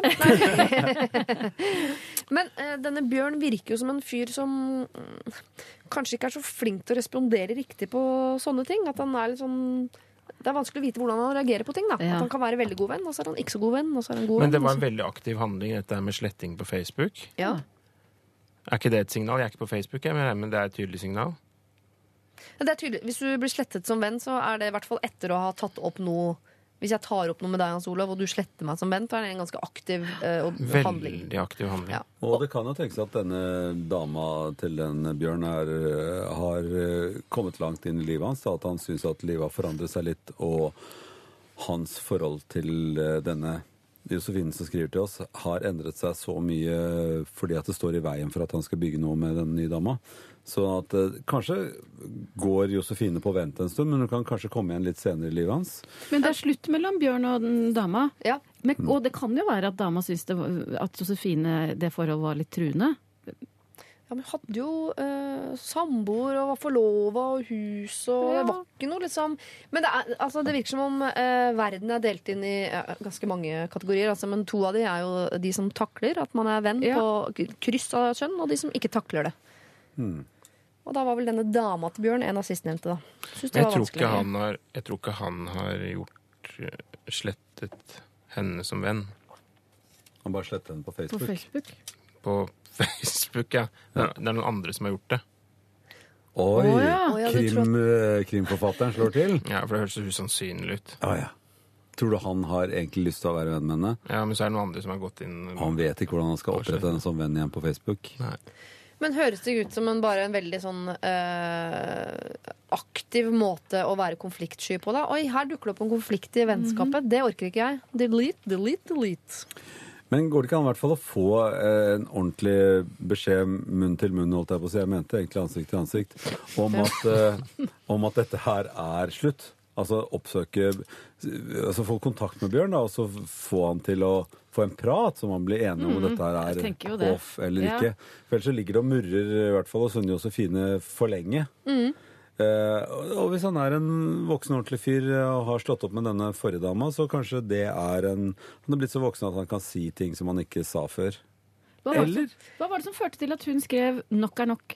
Ja, vel nok en avvisning, da. Sånn, «Å, ja, nei, nå vil du ikke ha noe med meg å gjøre, nå, for nå går det bra med dama. Ja. Aktig. At, eh, nok en runde med det. Da, så nok var nok. Men det, jeg må bare eh, hvis du legger hele den historien til side et lite øyeblikk, da. eh, har dere opplevd å bli venner med noen som dere har vært uvenner med? Eller noen dere har tenkt at vi kommer ikke til å være venner lenger? Det har sklidd over, og så henter man hverandre opp igjen? Jeg har glemt folk i løpet av Altså, jeg hadde noen barndomsvenner som jeg hadde glemt i, fordi at livet var så fullt av andre mennesker som jeg hadde veldig godt forhold til. Og så plutselig blir det litt mer plass til den type samvær som jeg hadde med, med noen barndomsvenner. Så jeg har to gode barndomsvenner som jeg har, som jeg har funnet igjen og har det veldig fint med. Uh, og da har det sånn at det er ikke tiden som spiller noen rolle. Det kan gå lang tid mellom hver gang, men da er vi veldig hyggelige og godt sammen når vi er først er det. Jeg er ikke så glad i så fryktelig mange mennesker. Men hvordan dukket den kontakten opp igjen? Var det en aktiv handling, eller møtte du på uh, Narvesen på Torgallmenningen? Nok er nok, var det noen som skrev. Så var det i gang igjen. Nei da, jeg rett og slett Jeg tenkte nei, men det, her var det et eller annet som, som jeg hadde lyst til å ta opp igjen, og så gjorde jeg et forsøk. Så jeg har jo vært aktiv, da. Du ringte og så Ja, hei, ringte. Ja, Viggo. og det gikk Det er. Viggo her. Det er Viggo. Jeg har noen venner som jeg ikke har sett på eh, lengre tid, og hvor jeg har grudd meg litt til å ta kontakt igjen, fordi at jeg tenker at her har jeg vært litt slapp og sløv. Men, men eh, opplever jo bare at folk stort sett er glad for at man tar kontakt igjen. I hvert fall. For er det ikke et kompliment, da? Hvis Jo, man er sier det. sånn Nå har vi ikke vært venner på et år. Jeg savner Ja, deg. ja, Jeg, ja. jeg vil ha deg i livet mitt. Men jeg har tatt opp igjen en kontakt som eh, jeg oppsøkte, og vi traff hverandre og snakket. Og da merket jeg at det var, å, det var ferdig, ja. Det var, ja. Så det var ikke noe. Det, det blir ikke noe mer av. Gjort akkurat det samme selv, Ja. ja. Og da hadde jeg gått og savnet i mange år og gruet meg, og så spiste vi lunsj, og siden har vi ikke sett hverandre og ikke tenkt noe særlig på det heller. jo, for det er det, det er jeg litt redd for, og det kan jo ikke vi vite, da, men det kan jo hende at Josefine nå savner, sånn som man savner en eks, og så glemmer man alle de dårlige tingene. Fordi jeg tenker at selv om du, Josefine, tenker at det var denne dama, så kan det nok hende at Bjørn er sånn når han har dame, og Bjørn får seg dame igjen. Så kan eh, hende at du nå eh, får tilbake en venn som er venn, god venn av og til, og så er han en dårlig venn av og til. Så det er bare rett tilbake til den loopen du, du var i. Så vi er ikke helt sikre på om du det hele tatt skal bli venn med Bjørn igjen. Eller så må man bare være forberedt på at sånn er Bjørn, da. Og ikke, ikke liksom gå i kjelleren når Bjørn forsvinner litt igjen. Bjørn er bjørn, liksom. Ja. Bjørn er Bjørn. Nok er nok. Ja. Men eh, da, Josefine, må vi bare gå, eh, si det. Bjørn er Bjørn. Nok er nok, og du må gjerne ta kontakt med han. Det vil han nok antageligvis ta som et kompliment, men da må du være forberedt på at Bjørn er Bjørn. Voksen gjeng som gir råd eh, i dag, men det burde jo bety at det kommer noe vettugt. Vi har med oss en allmennlege, Trond-Viggo Torgersen. Vi har med oss en uh, lesehest, eh, Hans Olav Brenner. og nå prøver jeg liksom Spent, altså. programleder. Jeg vil bare liksom se på Hva hva kan man ha fag, liksom. Ja, gammel håndballspiller? Ja, det er fint. Er ikke du uh, fysioterapeut? Og blokkfløytespiller? Solveig Kloppen. Er du fysioterapeut i bånn? Altså, i bunn eh, er jeg Jeg har gått ett år på fysioterapi. Ja. Jeg er ikke fastlege, eller jeg er ikke allmennlege, bare så det er sagt, for det er en for spesifikk ja. legejobb. Ja, hva er det du er? En hjertespesialist? Jeg er bare eh, Ja, Lege bare. jeg, jeg er opptatt av hjertet. Ja. Eh, Og jeg er ikke lesehest, altså. Jeg leser nesten ingenting. Men du har studert eh, Er det litt hvitt eller statsvitt eller Ja, med- statsvitenskap har jeg studert, ja. Det Ja. er riktig. og så er jeg pedagog. politiker? Da. Og Solveig, du er like mye eh, fysioterapeut som jeg er møbelsnekker, da, på en måte. Ja. Flott. Ok, og med dette i posen så skal vi nå gi råd til Mia, som har et hun har et narkotikaproblem, men hun har ikke det. på en måte, Dere skjønner det når jeg leser. Hei, Lørdagsrådet. Jeg er en ikke Eirik 21 år Jensen som kaller seg Nei. Nei, hun som har gått under navnet Mia. Nei, nei. Jeg er en 21 år gammel jente. Jeg har en kjæreste som er et par år eldre enn meg. Veldig glad i han og har lyst til å være sammen med han. Har vært eh, sammen i ett og et halvt år, og alt er fint, og alt det der. Men selvfølgelig er det et men. Han har lyst til å prøve MDMA, narkotika. Jeg er selv sterkt imot slike ting og sier at jeg blir veldig skuffet, og jeg kommer til å revurdere forholdet hvis han prøver MDMA. Han har røyket hasj et par ganger mens vi har vært sammen, men aldri med meg til stede. Jeg har selv prøvd hasj én gang, men fant fort ut at dette er ikke noe for meg, og hadde dårlig samvittighet etterpå. Jeg liker ikke at han gjør det, men jeg godtar det. Noen av vennene hans bruker MDMA av og til på fest, og spesielt en av hans venner prøver å overbevise meg om å la kjæresten min prøve. Kjæresten min får gjøre som han vil, sier jeg da, men at jeg kommer til å revurdere hele forholdet om han tar sterkere stoffer enn hasj. Syns jeg strekker meg langt nok allerede. Jeg ser ikke for meg en framtid med noen som er aktivt bruker av narkotika i livet sitt. I det siste har vi kranglet når vi er på fylla om dette. Han har tydeligvis lyst til å ha friheten til å prøve slike ting. Jeg sier det er farlig, får motargumentet om at det er alkohol også. Jeg sier at narkotika er ulovlig, han sier at det er lovlig andre steder. Lista er endeløs. Akkurat argumentet det er lov andre steder, er ikke greit. Er det jeg som er teit og streng? Burde han få lov til å prøve? Jeg er bare redd for at han liker det for godt og kommer til å bruke det aktivt. Eller at han senere i livet, hvis han føler seg nedfor eller slike ting, søker tilbake til narkotikaen. Føler at jeg ellers er ganske kul og en chill kjæreste. Her er jeg i villrede. Hjelp! Kall meg Mia. Ja, jeg syns ikke du er teit og streng. Jeg er Allmennlege og hjertespesialist Trond-Viggo, kan ikke du fortelle om MDMA? Nei, det er, altså, det er et sentralstimulerende middel som uh, man blir veldig rar av hvis man blir rar av det. Ja. Uh, dette kan jo trigge ting som man ikke aner hva er for noen ting. Altså Man kan bli helt gæren av det. Er det i ecstasy-skuffen, eller? Ja, det er ja. den skuffen. Men det, er også et det, det, det gjør noe med psykologien din også, antageligvis. Det, og det kan være veldig hallusinerende. Og det, ja, det er i det hele tatt et, et stoff som kan vippe deg over kanten hvis du er av den typen. Og det er noen som har prøvd det som psykologiforsøk, som ikke er sånn som kan vippes over kanten. Så det, dette er jo et et, et sært stoff uh, innenfor psykologi og prøve- og eksperimenteringsverden, men det er også et veldig farlig stoff ute på markedet. Så at uh, jeg vil jo absolutt si at han ikke burde prøve det hvis jeg hadde truffet han. Og at han røyker hasj eh, er også ikke så lurt da, i det lange løp.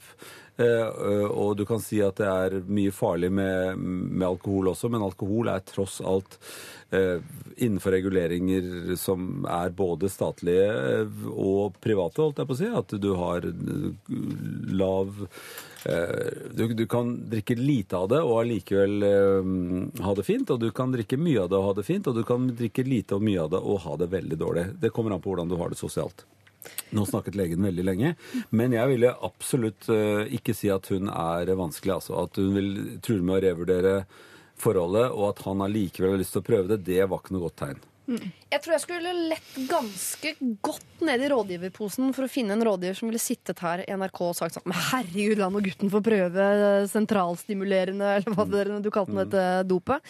Eh, Det, det tror jeg jeg ikke får tak i, dessverre. Eller eh, heldigvis, vil jeg vel heller si. Noen. Og vi er, en, eh, vi er jo en gjeng, og jeg tror ingen her kommer til å si noe annet enn at nei, det burde han ikke Hans Olav prøve. vet vi ikke hva han mener, for han har ikke sagt noen ting ennå. På Nei, men jeg bare vil at dere skal ta med dere Hva skal Mia 21 si til kjæresten sin for at han skal høre på dere? Fordi eh, han vil jo høre på oss og tenke sånn Ja ja, mutter'n og fatter'n, selvfølgelig vil ikke dere at jeg skal gjøre noe som helst som er gøy. Han der gamlingen borti hjørnet vil vi i hvert fall ikke høre på. Nei, nei, Og så er det jo lege da, som må selvfølgelig si det. Men hva skal Mia 21 si til kjæresten sin? Nei, for jeg fikk veldig følelsen at hun, for hun har veldig sunne impulser og tenker fornuftig og bør på alle måter sette hardt mot hardt osv. Eh, men så virker det som om de omgir seg med mange som driver og lefler med at dette her er greit. I, siden hun har kommet i en situasjon hvor hun begynner å lure på om hun er urimelig ved å stille krav om at han ikke skal prøve. Så det er veldig bra at hun snakker med andre enn akkurat de som omgir han og mener at han må få være den artige gutten som tester grenser. Eh, Sett hardt mot hardt. Hardt mot hardt. Ja. Ja. Ja, jeg skulle ønske at jeg kunne liksom være litt uh, Si at jeg, alt er jo mulig, og livet er jo fylt av så mye rart. Og, og det er det også. Akkurat i den alderen de er nå, så er det kanskje enda verre å prøve MDMA eh, enn når man er i min alder. Ja. Altså, han kunne kanskje vente til han er 60, og så kan han se hvor mye gøy han får ut av MDMA da. Eh, For jeg har tenkt å vente med narkotika helt til jeg blir ganske gammel og, eh, og har ganske mye igjen Ja. Ja. av, av opplevelser. ja. Kan du si fra Jeg vil kjempegjerne se på. Ja. Ja. Den dagen du vurderer deg for å hvile deg utpå. ja, ja. Det blir sikkert et TV-program sånn helt, når jeg er helt på slutten. Har bare en bitte liten eh, dag eller to igjen, og bare la, la, la, la, la. Trond-Viggo Flode sitter i eh, Ja, og prøver K19 det trenger ikke. Flode, for da kommer jeg til å male han på veggen likevel. Men dette her er kjempevanskelig, så er Mia eh, 21. Det er ikke noe tvil om at uh, vi syns at dette er eh, noe man absolutt uh, ikke skal prøve. Men så er det vanskelig for deg å si det til kjæresten din. Og jeg skjønner jo de argumentene, så det er de samme argumentene man får i retur bestandig. Og det som er ekstra skummelt er at han har en kompisgjeng så syns at Mia bare er hun strenge kjæresten og spiller på sånn ah, 'Skal du bare gjøre sånn som dama di sier bestandig?' 'Du må få lov til å prøve, være fri og prøve de tingene du vil', og 'vi er bare unge en gang', og sånn. Har alle de argumentene der på andre siden. Ja, Det er blitt sagt veldig mye eh, fornuftig her, og helt sikkert ting som vi allerede har tenkt og hørt, og som kjæresten har tenkt og hørt. Men jeg tror vi skal ta en runde nå inni oss selv hvor vi tenker på det er noe vi vil, som kjæresten vår ikke vil at vi skal drive med. Hva er det vi må høre som gjør at vi ikke gjør som vi vil, men gjør som kjæresten og fornuften egentlig vil? Tenk litt på det eh, mens vi hører på Oslo S. Dette her er Bislett Stadion.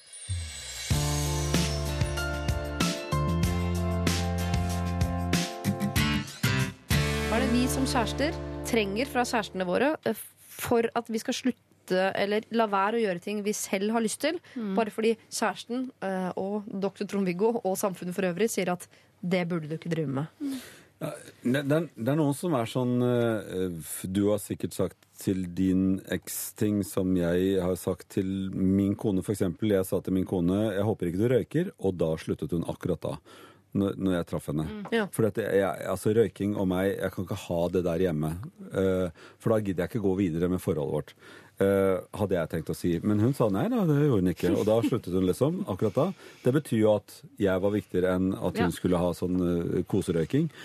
Og jeg tror at noen ganger så må man bestemme seg for sånne ting. Mm. Og det har ikke noe med hva det er, men at det er, det er for farlig, eller at det, det trekker det, det gjør noe med livet ditt som ikke du hadde tenkt å gå inn i. Noen ganger er det også sånn at ja, man skal jo slippe folk og, og la dem få eh, et rom og prøve ut ting og gjøre ting som Men jeg er altfor redd for en, en del sånne narkotiske stoffer til å gi det rommet til folk. Altså jeg, De som er rundt meg, og barna mine, håper jeg virkelig ikke, og jeg vil gjøre veldig mye for at de ikke prøver en del stoffer som jeg tenker at det der der kan gå så feil, uten at du i det hele tatt var forberedt på det. Og, så det er kanskje litt for nevrotisk på det, og at andre er sånn at ja, men jeg har bare lyst til å prøve det, ikke sant. Er- Jeg har lyst til å prøve en annen type sex enn det jeg har prøvd hittil. Ja, kan ikke jeg få lov å ligge med noen andre og ikke deg en stund, og så kan vi se hvordan det går? Ja, jeg tror ikke at det går vanligvis så veldig bra. Men noen ganger så går det fint. Det er jo noen som er sånn. Og, og hvis han hadde vært en sånn som hadde lyst til å prøve MDMA i en setting som var liksom, litt sånn prøvekontrollert, men her har han jo en gjeng som driver og lefler litt grann med dette her. Og det bør ikke være akkurat det stoffet, men det kan være andre ting. Jeg har lyst til å prøve scarring eller en, altså noe som, jeg, som du ikke liker. Masse gode forslag. Ja. ja, ja. Men jeg bare ser for meg hvis liksom en kvinne skulle begynne å kreve av meg at jeg liksom, det jeg virkelig hadde lyst til, at det kunne jeg ikke gjøre, så hadde jeg jo sagt OK, greit. Eh, altså, jeg har ja. Men nei, men- kanskje det er det riktige, da? ja, altså, jeg uh, har et veldig sterkt eksempel fra eget liv. Ja. Det er så sterkt at jeg vet ikke om jeg kan dele Nei, men da jeg og kona mi eller, ble kjærester, så hadde jeg veldig lyst til å bli skuespiller. Så jeg kom inn på noen sånn teaterskoler i London. Det syntes ikke hun var noen god idé, så hun sa at eh, det, da kan det være sammen med alt. OK, altså, hvis du reiser, så takler Ja. ikke jeg det avstandsforholdet. Så Nei, da, da er det da slutt. dropper vi det. På en måte. Mm. Så du dro ikke? Så jeg dro ikke. Oi, Har du angret på det noen gang? Eh, nei. Nei. Du hadde blitt en veldig veldig, veldig dårlig skuespiller, Hans Olav, så da, da Ja, det det. kan du støtte deg fint på det. Ja. På det. Eller omvendt. Så Ja. har du kanskje blitt en veldig god skuespiller. Men med veldig god engelsk aksent. Ja. ja, ja. Ja, det er. Men du trengte jo ikke den utdannelsen, for du er jo født til Mm. gode skuespiller. Mm. Men jeg, jeg syns på en måte at uh, Mia har jo på en måte ymtet frampå med et ultimatum her. Ved å si Ja. at hvis du prøver det, så går jeg fra deg. Og hvis man først skal gi et ultimatum, så kan man ikke ymte det. Et ultimatum eh, har jo sin kraft fordi det er et ultimatum. Og egentlig mener jeg at jeg ikke godtar ultimatumer. Hvis noen stiller meg et ultimatum, så vil jeg alltid velge den som stiller ultimatumet bort. Men så har jeg jo stilt ultimatumer selv. Jeg har jo hatt den eksen som jeg sa, og da jeg var på hasj. Hvis du røyker hasj når du er sammen med meg, så gjør jeg det slutt. Eller jeg gjør det ikke slutt engang. Jeg bare går. Jeg gidder ikke forklare deg at det er over. Jeg bare går, og så er det ikke oss to lenger. Men kanskje hun også vet mer om han enn hun skriver her. At han er en sånn som jeg bare en gang, jeg bare en gang til, jeg bare en gang til til. da. Eh, Altså han er en sånn som leter etter grenser.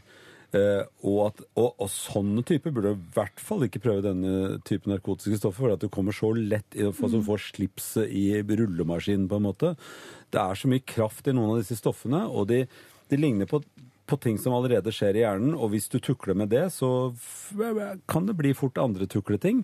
Og hvis han ikke klarer å lage grenser selv, så Men hvis han er en sånn som har grenser på alt, jeg skal bare prøve det en gang, ferdig med det, nei, det var ikke noe for meg. Det virker jo ikke sånn. Det er ikke det det virker Nei, nei. Mm. Og jeg tenker at hvis hun allerede har begynt å ymte frampå eh, overfor han også, at eh, vet du hva, hvis du gjør det, så blir det slutt, og Mm. han fortsatt sier ja, men jeg har lyst til å prøve, da er jo MDMA viktigere enn henne, da, og da er det jo kjørt. Og det med MDMA er at det blir i hvert fall viktigere enn henne etter hvert, hvis han Ja. syns det er gøy. Ja. Det er ikke ofte jeg gir det rådet her i Lørdagsrådet, men eh, Mia, her syns jeg på en måte du virkelig skal sette ned foten og gi det ultimatumet. Men da må du vite også at, at du står for det ultimatumet. For at hvis han faktisk prøver det, så går du fra han. Da er ikke han et menneske du har lyst til å være kjæreste med. Da må du vite at du klarer å gjennomføre ultimatumet. Hvis ikke så har ultimatumet mistet sin kraft for bestandig. Og du kan jo si hva du vil, og han kommer ikke til å, måtte behøve å høre på deg. Så her må du bare eh, gå helt inn i det ultimatumet du allerede har ymtet frampå.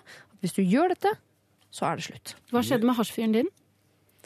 Eh, han røykte ikke hasj mens vi var sammen, men eh, når jeg gjorde det slutt, så røykte han hasj i en uke. Eh, men nå går det kjempefint. Bra.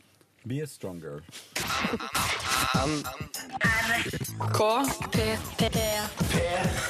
Eh, vi skal fra MDMA og den harde narkotiske verden der ute eh, over i noe som eh, for min del er i hvert fall eh, mye nærmere meg. Psoriasis. jeg har ikke psoriasis, jeg har atopisk eksem. Bare til opplysning. Kjære Lørdagsrådet, eh, det er jo da i dag Solveig Kloppen, og Solveig Brenner og Trond-Viggo Torgersen. Solveig brenner. Svaret er Solveig Brenner? Jeg syns du sa det. nei, jeg tror ikke det. Nei, Det jeg var det koselig. helt Hans Olav Kloppen, Syng fort. Hans Olav eh, Viggo. Hans Olav Viggo. Kjære Lørdagsrådet. Jeg er 28 år. Min mor har psoriasis, en ekstrem eksemvariant.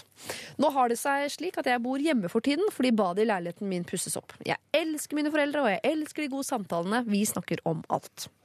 Mamma klør og peller hud på foten hver gang hun setter seg i sofaen. Gjerne samler det seg hud på gulvet som hun plukker opp. Dette er noe hun må ha begynt med de siste årene, for jeg har ikke lagt merke til dette før. Det skal sies at hun ikke alltid samler opp huden, men peller liksom nedi sokken. Og jeg blir rett og slett veldig kvalm av dette. Jeg klarer ikke å tenke på noe annet når hun gjør dette. Jeg har bedt henne om å la være. Jeg har bedt henne smøre seg med krem. I alle fall gjøre det når eh, jeg spiser. Men hun sier at hun har psoriasis, og hun blir sur, og jeg får dårlig samvittighet. Jeg har tatt opp dette flere ganger, for det knyter seg helt for meg når hun drar ned sokken. Nå har jeg begynt å trekke meg tilbake hver gang hun begynner, for jeg føler meg som en unge som begynner å krangle om dette. Hun har jo tross alt en hudsykdom. Jeg trenger råd. Er jeg en unge som ikke klarer å overse dette? Eventuelt, hvordan skal jeg få henne til å slutte? Eventuelt må jeg bare fortsette å trekke meg unna med den konsekvens at jeg ikke får de gode samtalene med mamma lenger. Jeg håper dere kan bistå. Kyss og klem fra KK. Vi sparer legeråd om hvordan man eventuelt får bukt med denne psoriasisen, og går rett på det mellommenneskelige. Hva er viktigst her? Eh, De gode samtalene med mor, som sitter og klør seg ned i sokken så huden spruter. Eller noe annet. Jeg ser det veldig for meg, dette her. Ja, vær så Jeg god. syns det er sjokkerende at hun ikke liksom tar på alvor, denne moren, signalet om at dette blir litt vanskelig å takle for, eh, for barnet. Er det sant? Ja, det syns jeg er sjokkerende. Ja, ja. At hun ikke tar det litt inn over seg, er det ikke det? Altså, Hvis barna mine flytter hjem igjen til meg i en alder av 28 Ja, det er og begynner, egen å, og begynner å, å hakke på meg for at jeg sitter og peller, da får noen pelle seg ut. Mitt hus, min hud, min hudsykdom, mine vaner. Men må en pelle hele tiden? Jeg har aldri hatt Dette er minner meg så mye annet med sånne private vaner som, som eh, blir verre med årene. Det er noen som eh, tillater seg hva som helst. Harker og, og, og, f- og nys. Altså, jeg blir opp- opp- betittelig en del sånne folk på min alder oppover. Eh, og det er jo noen som har for mye private lyder. Det er min gass, jeg slipper den hvor jeg vil. Liksom. Det nei, det er ikke det. Eh, det er, man, man kan ikke gjøre det hvor som helst. Kan man det da? Olav? Overhodet ikke. Nei. Jeg Altså, er opplever så lite sånt, jeg. ja, ja. vi er nok en familie som gjerne promper. Eh, og jeg har en datter som fryktelig gjerne promper og ler og jeg hadde en onkel som Ler hun mens dere er ja, ja, ja. Hun, le- hun er ler og promper og syns det da, da, da, da, da. Liksom, og syns det er gøy. Ja. Eh, jeg hadde en onkel som drev på sånn og tenker ja, ja, ja, det er ikke så viktig. Men hvis det er andre som reagerer på det, og særlig når man ikke har prøvet dem ut For eh, hun har en kjæreste som da eh, syns det er litt mindre gøy. Ja. Eh, og det tar hun ikke spesielt hensyn til. Og da tenker jeg ja, hun får nå leve med det der, men det blir hennes problem. Men hvis det hadde vært flass og kløing, så tror jeg det hadde vært litt annerledes. For det er jo Hvis du promper, så er det lukten som er verst, men lyden er ikke så dum. Den er jo ganske gøyal. Så hvis man klarer å, å skille de to tingene Men flass er ikke så lett, og kløing og det ubehagelige ved at det, det drysses og, og børstes sammen, eh, eller man biter negler, og da vet du Ja. at det spiser et eller annet på deg selv, og spiser snørr, og det der. Det, sånn må man ikke gjøre mens andre folk ser på. Ja, nå ser jeg på ansiktsuttrykkene til, mm. til dere alle tre. Ja. Kanskje spesielt deg, Solveig. Ja. at Du står i samme båt som KK-en. Du syns dette er så ekkelt at dette må opphøre. Ja, for at, og jeg er ikke spesielt Du sitter og klør deg i håret ja, nå, ja, forresten. at, ja, jeg klør av sånt mm. prat. Men jeg er sånn som mener at eh, vi godt kan være på do alle sammen, hele familien sammen. Ja. Eh, det syns jeg ikke Men det er hvis dere vil det, så må dere gjerne gjøre det. Men hvis ja, ikke, ikke vil det. Ja, mm. Og vi har klare regler på det er ikke lov til å klippe neglene i sofaen og sånne ting. Alt sånn, sånn kommer fra hud, fra kroppen. Det kan, eh, det kan skilles fra kroppen på toalettet, tenker jeg, eller do, altså bad. Ja, men da er det husreglene. Mhm. Men nå er det KK flyttet tilbake inn i et hus som helt tydelig har endret husreglene Ja, ja. siden sist hun Ja. bodde der. Ja. Skal hun få lov til å komme inn da eh, med sin hær og si å ja, nei, nå skal vi tilbake til mine barndomsregler, for her er jeg. Men man må jo, er, dette må eh, Jeg gjør meg vanskelig nå, så jeg bare sier. Altså, eldre folk er nødt til å, å, å skjerpe seg. Ja. De, de må, altså et par må, må den ene i et par passe på at den andre ikke blir uappetittlig etter hvert. Eh, klippe Korrigere. ørehårene eh, og altså gjøre sånne ting. Si fra. Ikke gjør det der der, for det ser ikke noe fint ut. Du ville ikke gjort det hvis det var noen vi hadde gjester her, så ikke gjør det nå. Eh, og lage litt standard på et litt høyere nivå. Ja. Så jeg, hun får si til moren sin Nei, det der må du holde opp med, mor. Ikke, dette er ikke noe delikat for andre enn Hun har deg. sagt fra, og mor blir bare sur. Det er Ja. min hudsykdom, sier hun. Ja, ja, ja, men da vil ikke du at ja, Men der jeg lurer jeg på kanskje én ting, da. For det, det er min hudsykdom, liksom. Det, det er akkurat som om hun har fått litt for lite oppmerksomhet rundt denne hudsykdommen sånn generelt. For jeg tipper det er ganske slitsomt å leve med, med den. Sånn at eh, hun, hun bør kanskje berømmes litt mer i hverdagen for at hun klarer å stå i denne kampen, som det kanskje nærmest er. Ja. Og så kan man da komme på banen med litt kjøreregler på hvor hud skal eh, liksom eh, pirkes av og plasseres og sånn, tenker jeg, hvis hun i utgangspunktet føler seg sett og anerkjent for den innsatsen det på en måte er å ha den sykdommen. Jeg liker deg så godt, Hans Olav. Du, du lever deg så inn i disse menneskene. Det er så flott. Jeg blir så grepet av det, altså. Ja. Ja. Her er det noen med en sykdom som må få lov å klø litt, sier du. Mm, rett og slett. Nei, eh, nå har jeg gjort meg vanskelig i en ti minutters tid snart. Eh, men jeg er jo enig i at man skal stå imot nettopp når de der eh, voksenbehovene melder seg for sånn Nei, nå vil jeg bare fise i offentlighet, for nå har jeg bikka 40. Eller eh, nå vil jeg bare pelle hud. Eller nå skal jeg begynne med strykefør i bukser. Jeg veit det er stygt, men det er behageligaktig. Så er det viktig at noen står imot og sier Husk hva du mente som ung. At man skulle klippe hår, at man skulle eh, fise på do osv. Og, så videre, og prøve å, å holde igjen, liksom stå på barrikadene der. Og KK, det er da dessverre din jobb overfor din mor å stå litt på barrikaden i forhold til hva som eh, er greit og ikke greit med andre mennesker til stede. Eh, og så må du kanskje vise mer omsorg, da, for at det er synd på moren din som har en vanskelig sykdom som vi må leve med hver eneste dag, nemlig denne psoriasisen. Men akkurat at mamma, det blir for privat når du skal gjøre det, og spille oss på at vi mister de gode samtalene. For resultatet av at du sitter og klør, er at jeg faktisk må gå. Og så hjelper det ikke, så får du holde ut, da. For jeg regner jo med at du snart skal flytte ut igjen. P3 Dette er Lørdagsrådet på P3. P3. Kjære Lørdagsrådet. Jeg er en jente på 21 år. Jeg bor sammen med min kjæreste på 21 og hans bror på 19, som er min leieboer. Vårt problem er at NRK-lisensen har kommet i posten. Min kjæreste, Kallan Mons, kjøpte TV-en og eier TV-en. Jeg er den som ser mest på TV, men aldri NRK. Leieboer og, øh, og min Mons ser kanskje på TV én gang i uka, og i så fall mest film. Så hvordan skal dette bli rettferdig? Ingen av oss vil punge ut med 2000 kroner for NRK når vi aldri ser på det. Og har jeg i det hele tatt lov til å kreve av leieboer at han skal bidra, når vi ikke har spesifisert dette i kontrakten? Jeg kommer til å skru på radio klokka ti hver lørdag fram til 31. januar, som er forfallsdato, og håper at dere klarer å hjelpe meg med å løse dette, så vi slipper å krangle. PS. Jeg håper at Ken Vasenius Nilsen er rådgiver igjen snart, for han er rå. Han kommer jo da 4. februar, så det er akkurat for seint å hjelpe til med akkurat dette, men han kan helt sikkert hjelpe noen andre. Vi må bare rydde opp i dette med lisens, da. Ja, men jeg, jeg bare tenkte, jeg tipper at i hvert fall eh, Kanskje ikke Solveig, men at Hans Olav og Trond-Viggo kommer til å stå og, og liksom kjempe for at eh, eh, lisens er viktig, og alle Ja, ja. må betale Ja, den. ja, ja, ja. Og Solveig også. Men her tror jeg ikke det er eh, nødvendigvis den «Øh, Jeg hater lisens, Men- men, det er men- hvem skal betale den? Men går det ikke an å bare rydde det av Man betaler ikke NRK-lisens til NRK nødvendigvis, men pga. TV-apparatet. Så, så det der, er ting som kommer til å forandre seg og bli helt annerledes i fremtiden, tror jeg, da. Ja. Uh, men, så det er, det er bare de har fått en regning for å se på TV. Ja. Så nå Eh. har de en regning på 2000 kroner som de betaler fordi de har et TV-apparat Ja. i hjemmet sitt. Og hvis de vil ha det TV-apparatet der, mm. så koster det 2000 kroner. Yep. Men hvem skal betale Skal det splittes i tre? Skal det splittes i to? Én? Null? Umiddelbart så tenker jeg jo, eh, bør det ikke bare splittes i tre, i og med at de er tre stykker som bruker TV-apparat. Og det er jo litt sånn irrelevant at eh, hun, hun ser mest på NRK, altså, for det er jo fordi de har TV-apparat at de mm, betaler disse pengene. Ja. Men denne, altså, denne leieboeren, skal han plutselig være med å splitte regninger for ting som hun har dratt inn i huset? I utbe altså, som jurist ville jeg jo sagt at eh, leieboeren leier. Ja. Eh, og da følger det med innbo, og det er, der er det TV i innboet, og da kan han se på den. Sånn at eh, han bør ikke betale noen ting. Jeg syns at de kjæresteparet skal betale den der. Ferdig med det, ville jeg. Altså, banke i bordet og sagt jeg er dommeren. Ja. Enig. Så splitte regninga i to? Hvis de må splitte den, er det ikke et par da? Da er det naturlig at de betaler ting sammen. Legge på husleia litt, og så splitte på to. Hvis de må legge på husleia.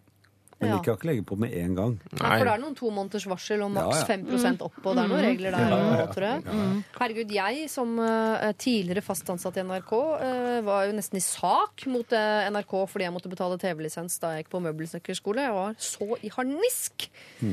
Fordi eh, jeg hadde Jeg leide en TV hos Tårn, husker dere? Når Ja, det var sånn? ja. eh, eh, Det var men smart, det var ha- veldig- Kjempelurt. Og hadde adresse hjemme hos min mor og sa men vi betaler TV-lisens for husstanden. Vi betaler jo ikke per TV-apparat. De sa fordi du mottar studielån, så anses du som egen, eh, egen bolig i din egen bolig. Og da må du betale to TV-lisenser for samme bolig.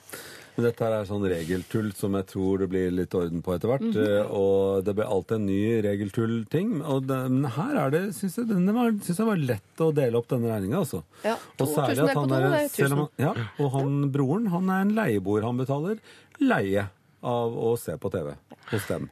Nå skal det sies at jeg hadde den TV-en på hybelen min på Mysen, altså. Så Ja, det var egentlig greit. Men sånn rent prinsipielt altså, syns jeg det var irriterende. men eh, dere, eh, dere skal dele denne 2000-kronersregninga på to. Det er jo da 1000 på hver. Mm. Leieboer, han betaler ingenting. Dette er er P3. Vi skal eh, prøve å hjelpe en ubesluttsom student som heter Espen, 23. Ja, han heter vel bare Espen, da, antageligvis, men er 23 år gammel. Eh, og umiddelbart eh, har vel du et bankende hjerte foran, Trond-Viggo, fordi du selv egentlig skulle ha hett Espen. Er det ikke Ja, sånn? det er flott. Ja.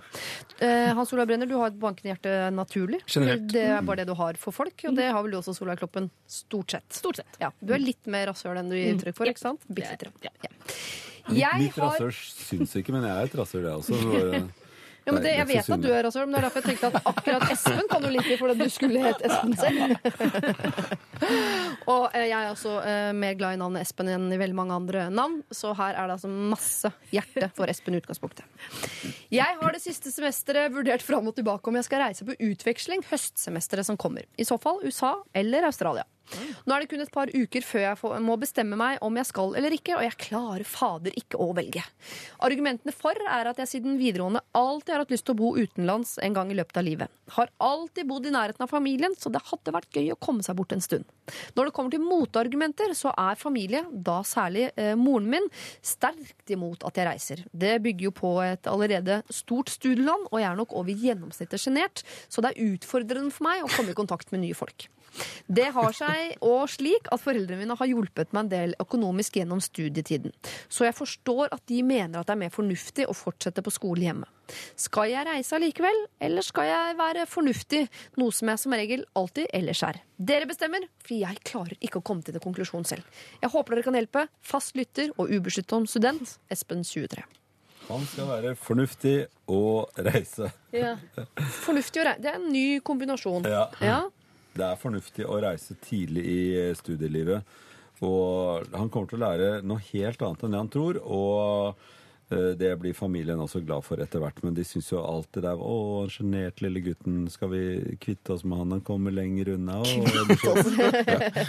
Hvis du drar til USA, så slutter du vel å være sjenert, gjør du ikke det? Da blir det sånn mom and dad, og det blir liksom veldig god stemning Ja. på sikt. Ja. Har du vært i utlandet sjøl og studert? Hans Olav? Vært i utlandet sjøl. Eh, ikke studert. Ikke studert. Det er to ting jeg angrer på i livet. Det er at jeg ikke tok maskinskriving som valgfag på ungdomsskolen, for det tror jeg jeg hadde hatt stor glede av. Ja. Pluss at jeg ikke har studert eh, utenlands. Ja. Mm. ja.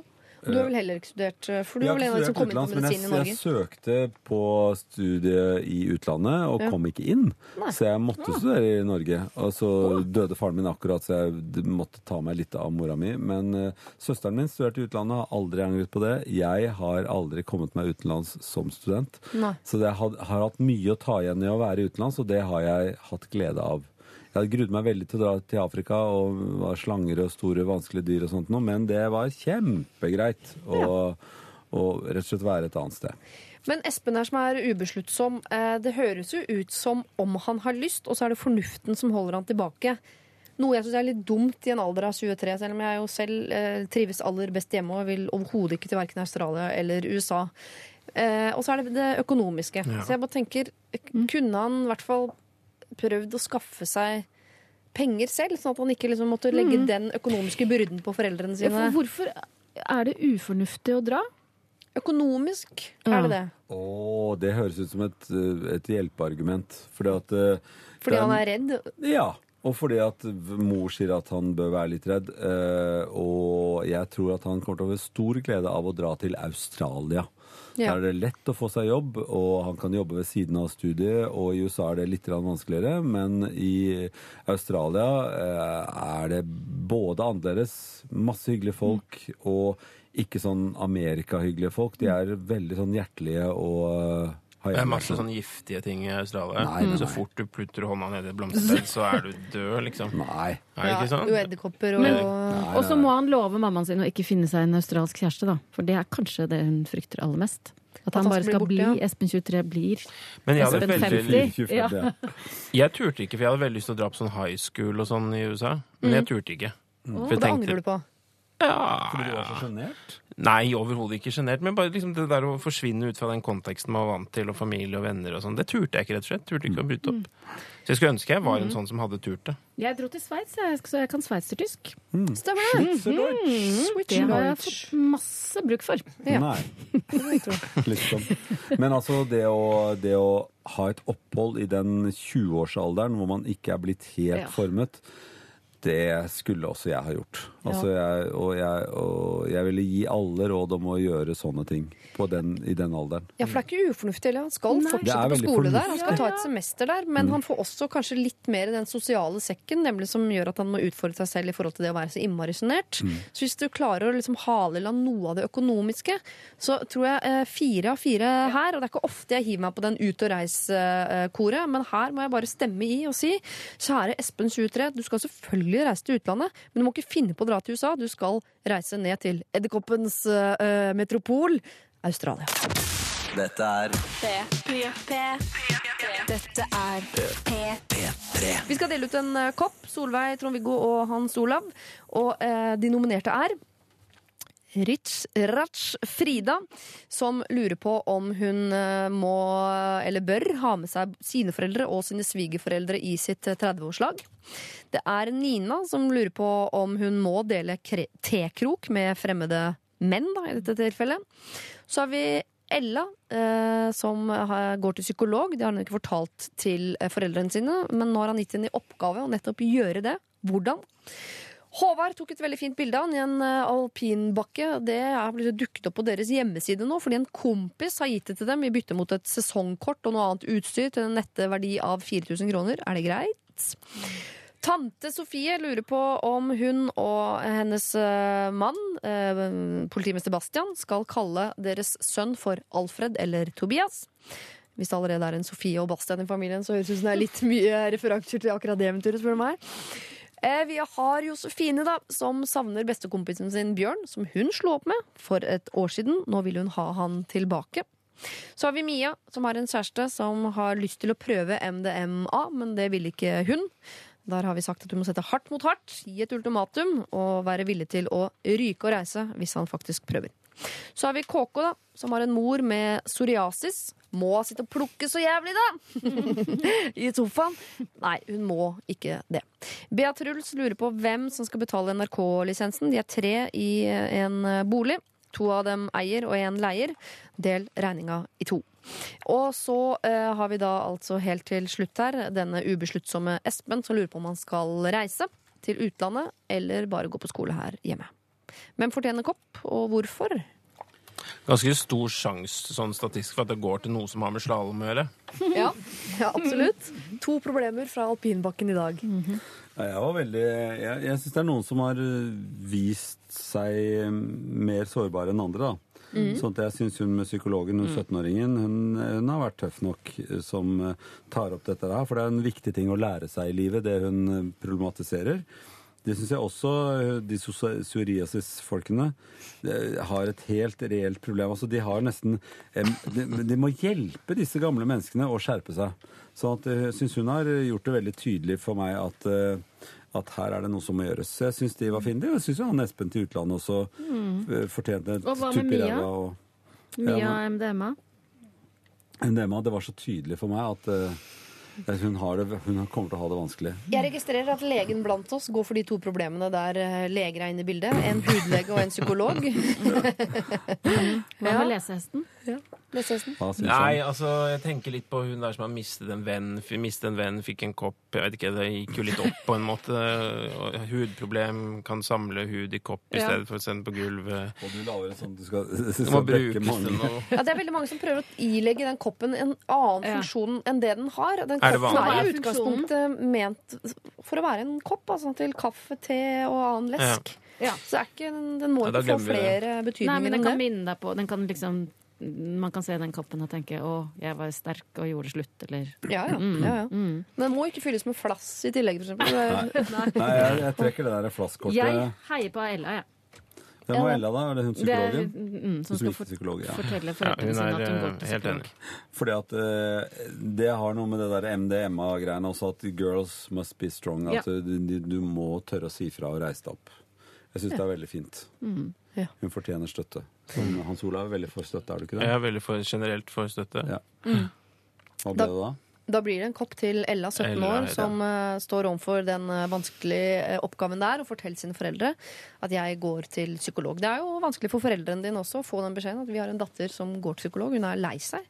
Og det er- var ikke nok hos meg å være mamma, eller det var ikke nok hos meg å være pappa. Så det er er en litt tøff greie for hele familien, men jeg ser ikke eh, noen annen utvei enn å fortelle det. Og at dere får det antageligvis bedre på andre siden. Eh, tusen takk for at dere ga gode råd i dag, alle tre. Det er så hyggelig å være her. Og så håper jeg jeg ser dere snart igjen, alle tre. Enig. Og eh, fortsatt godt nyttår. Godt nyttår, det kan vi si.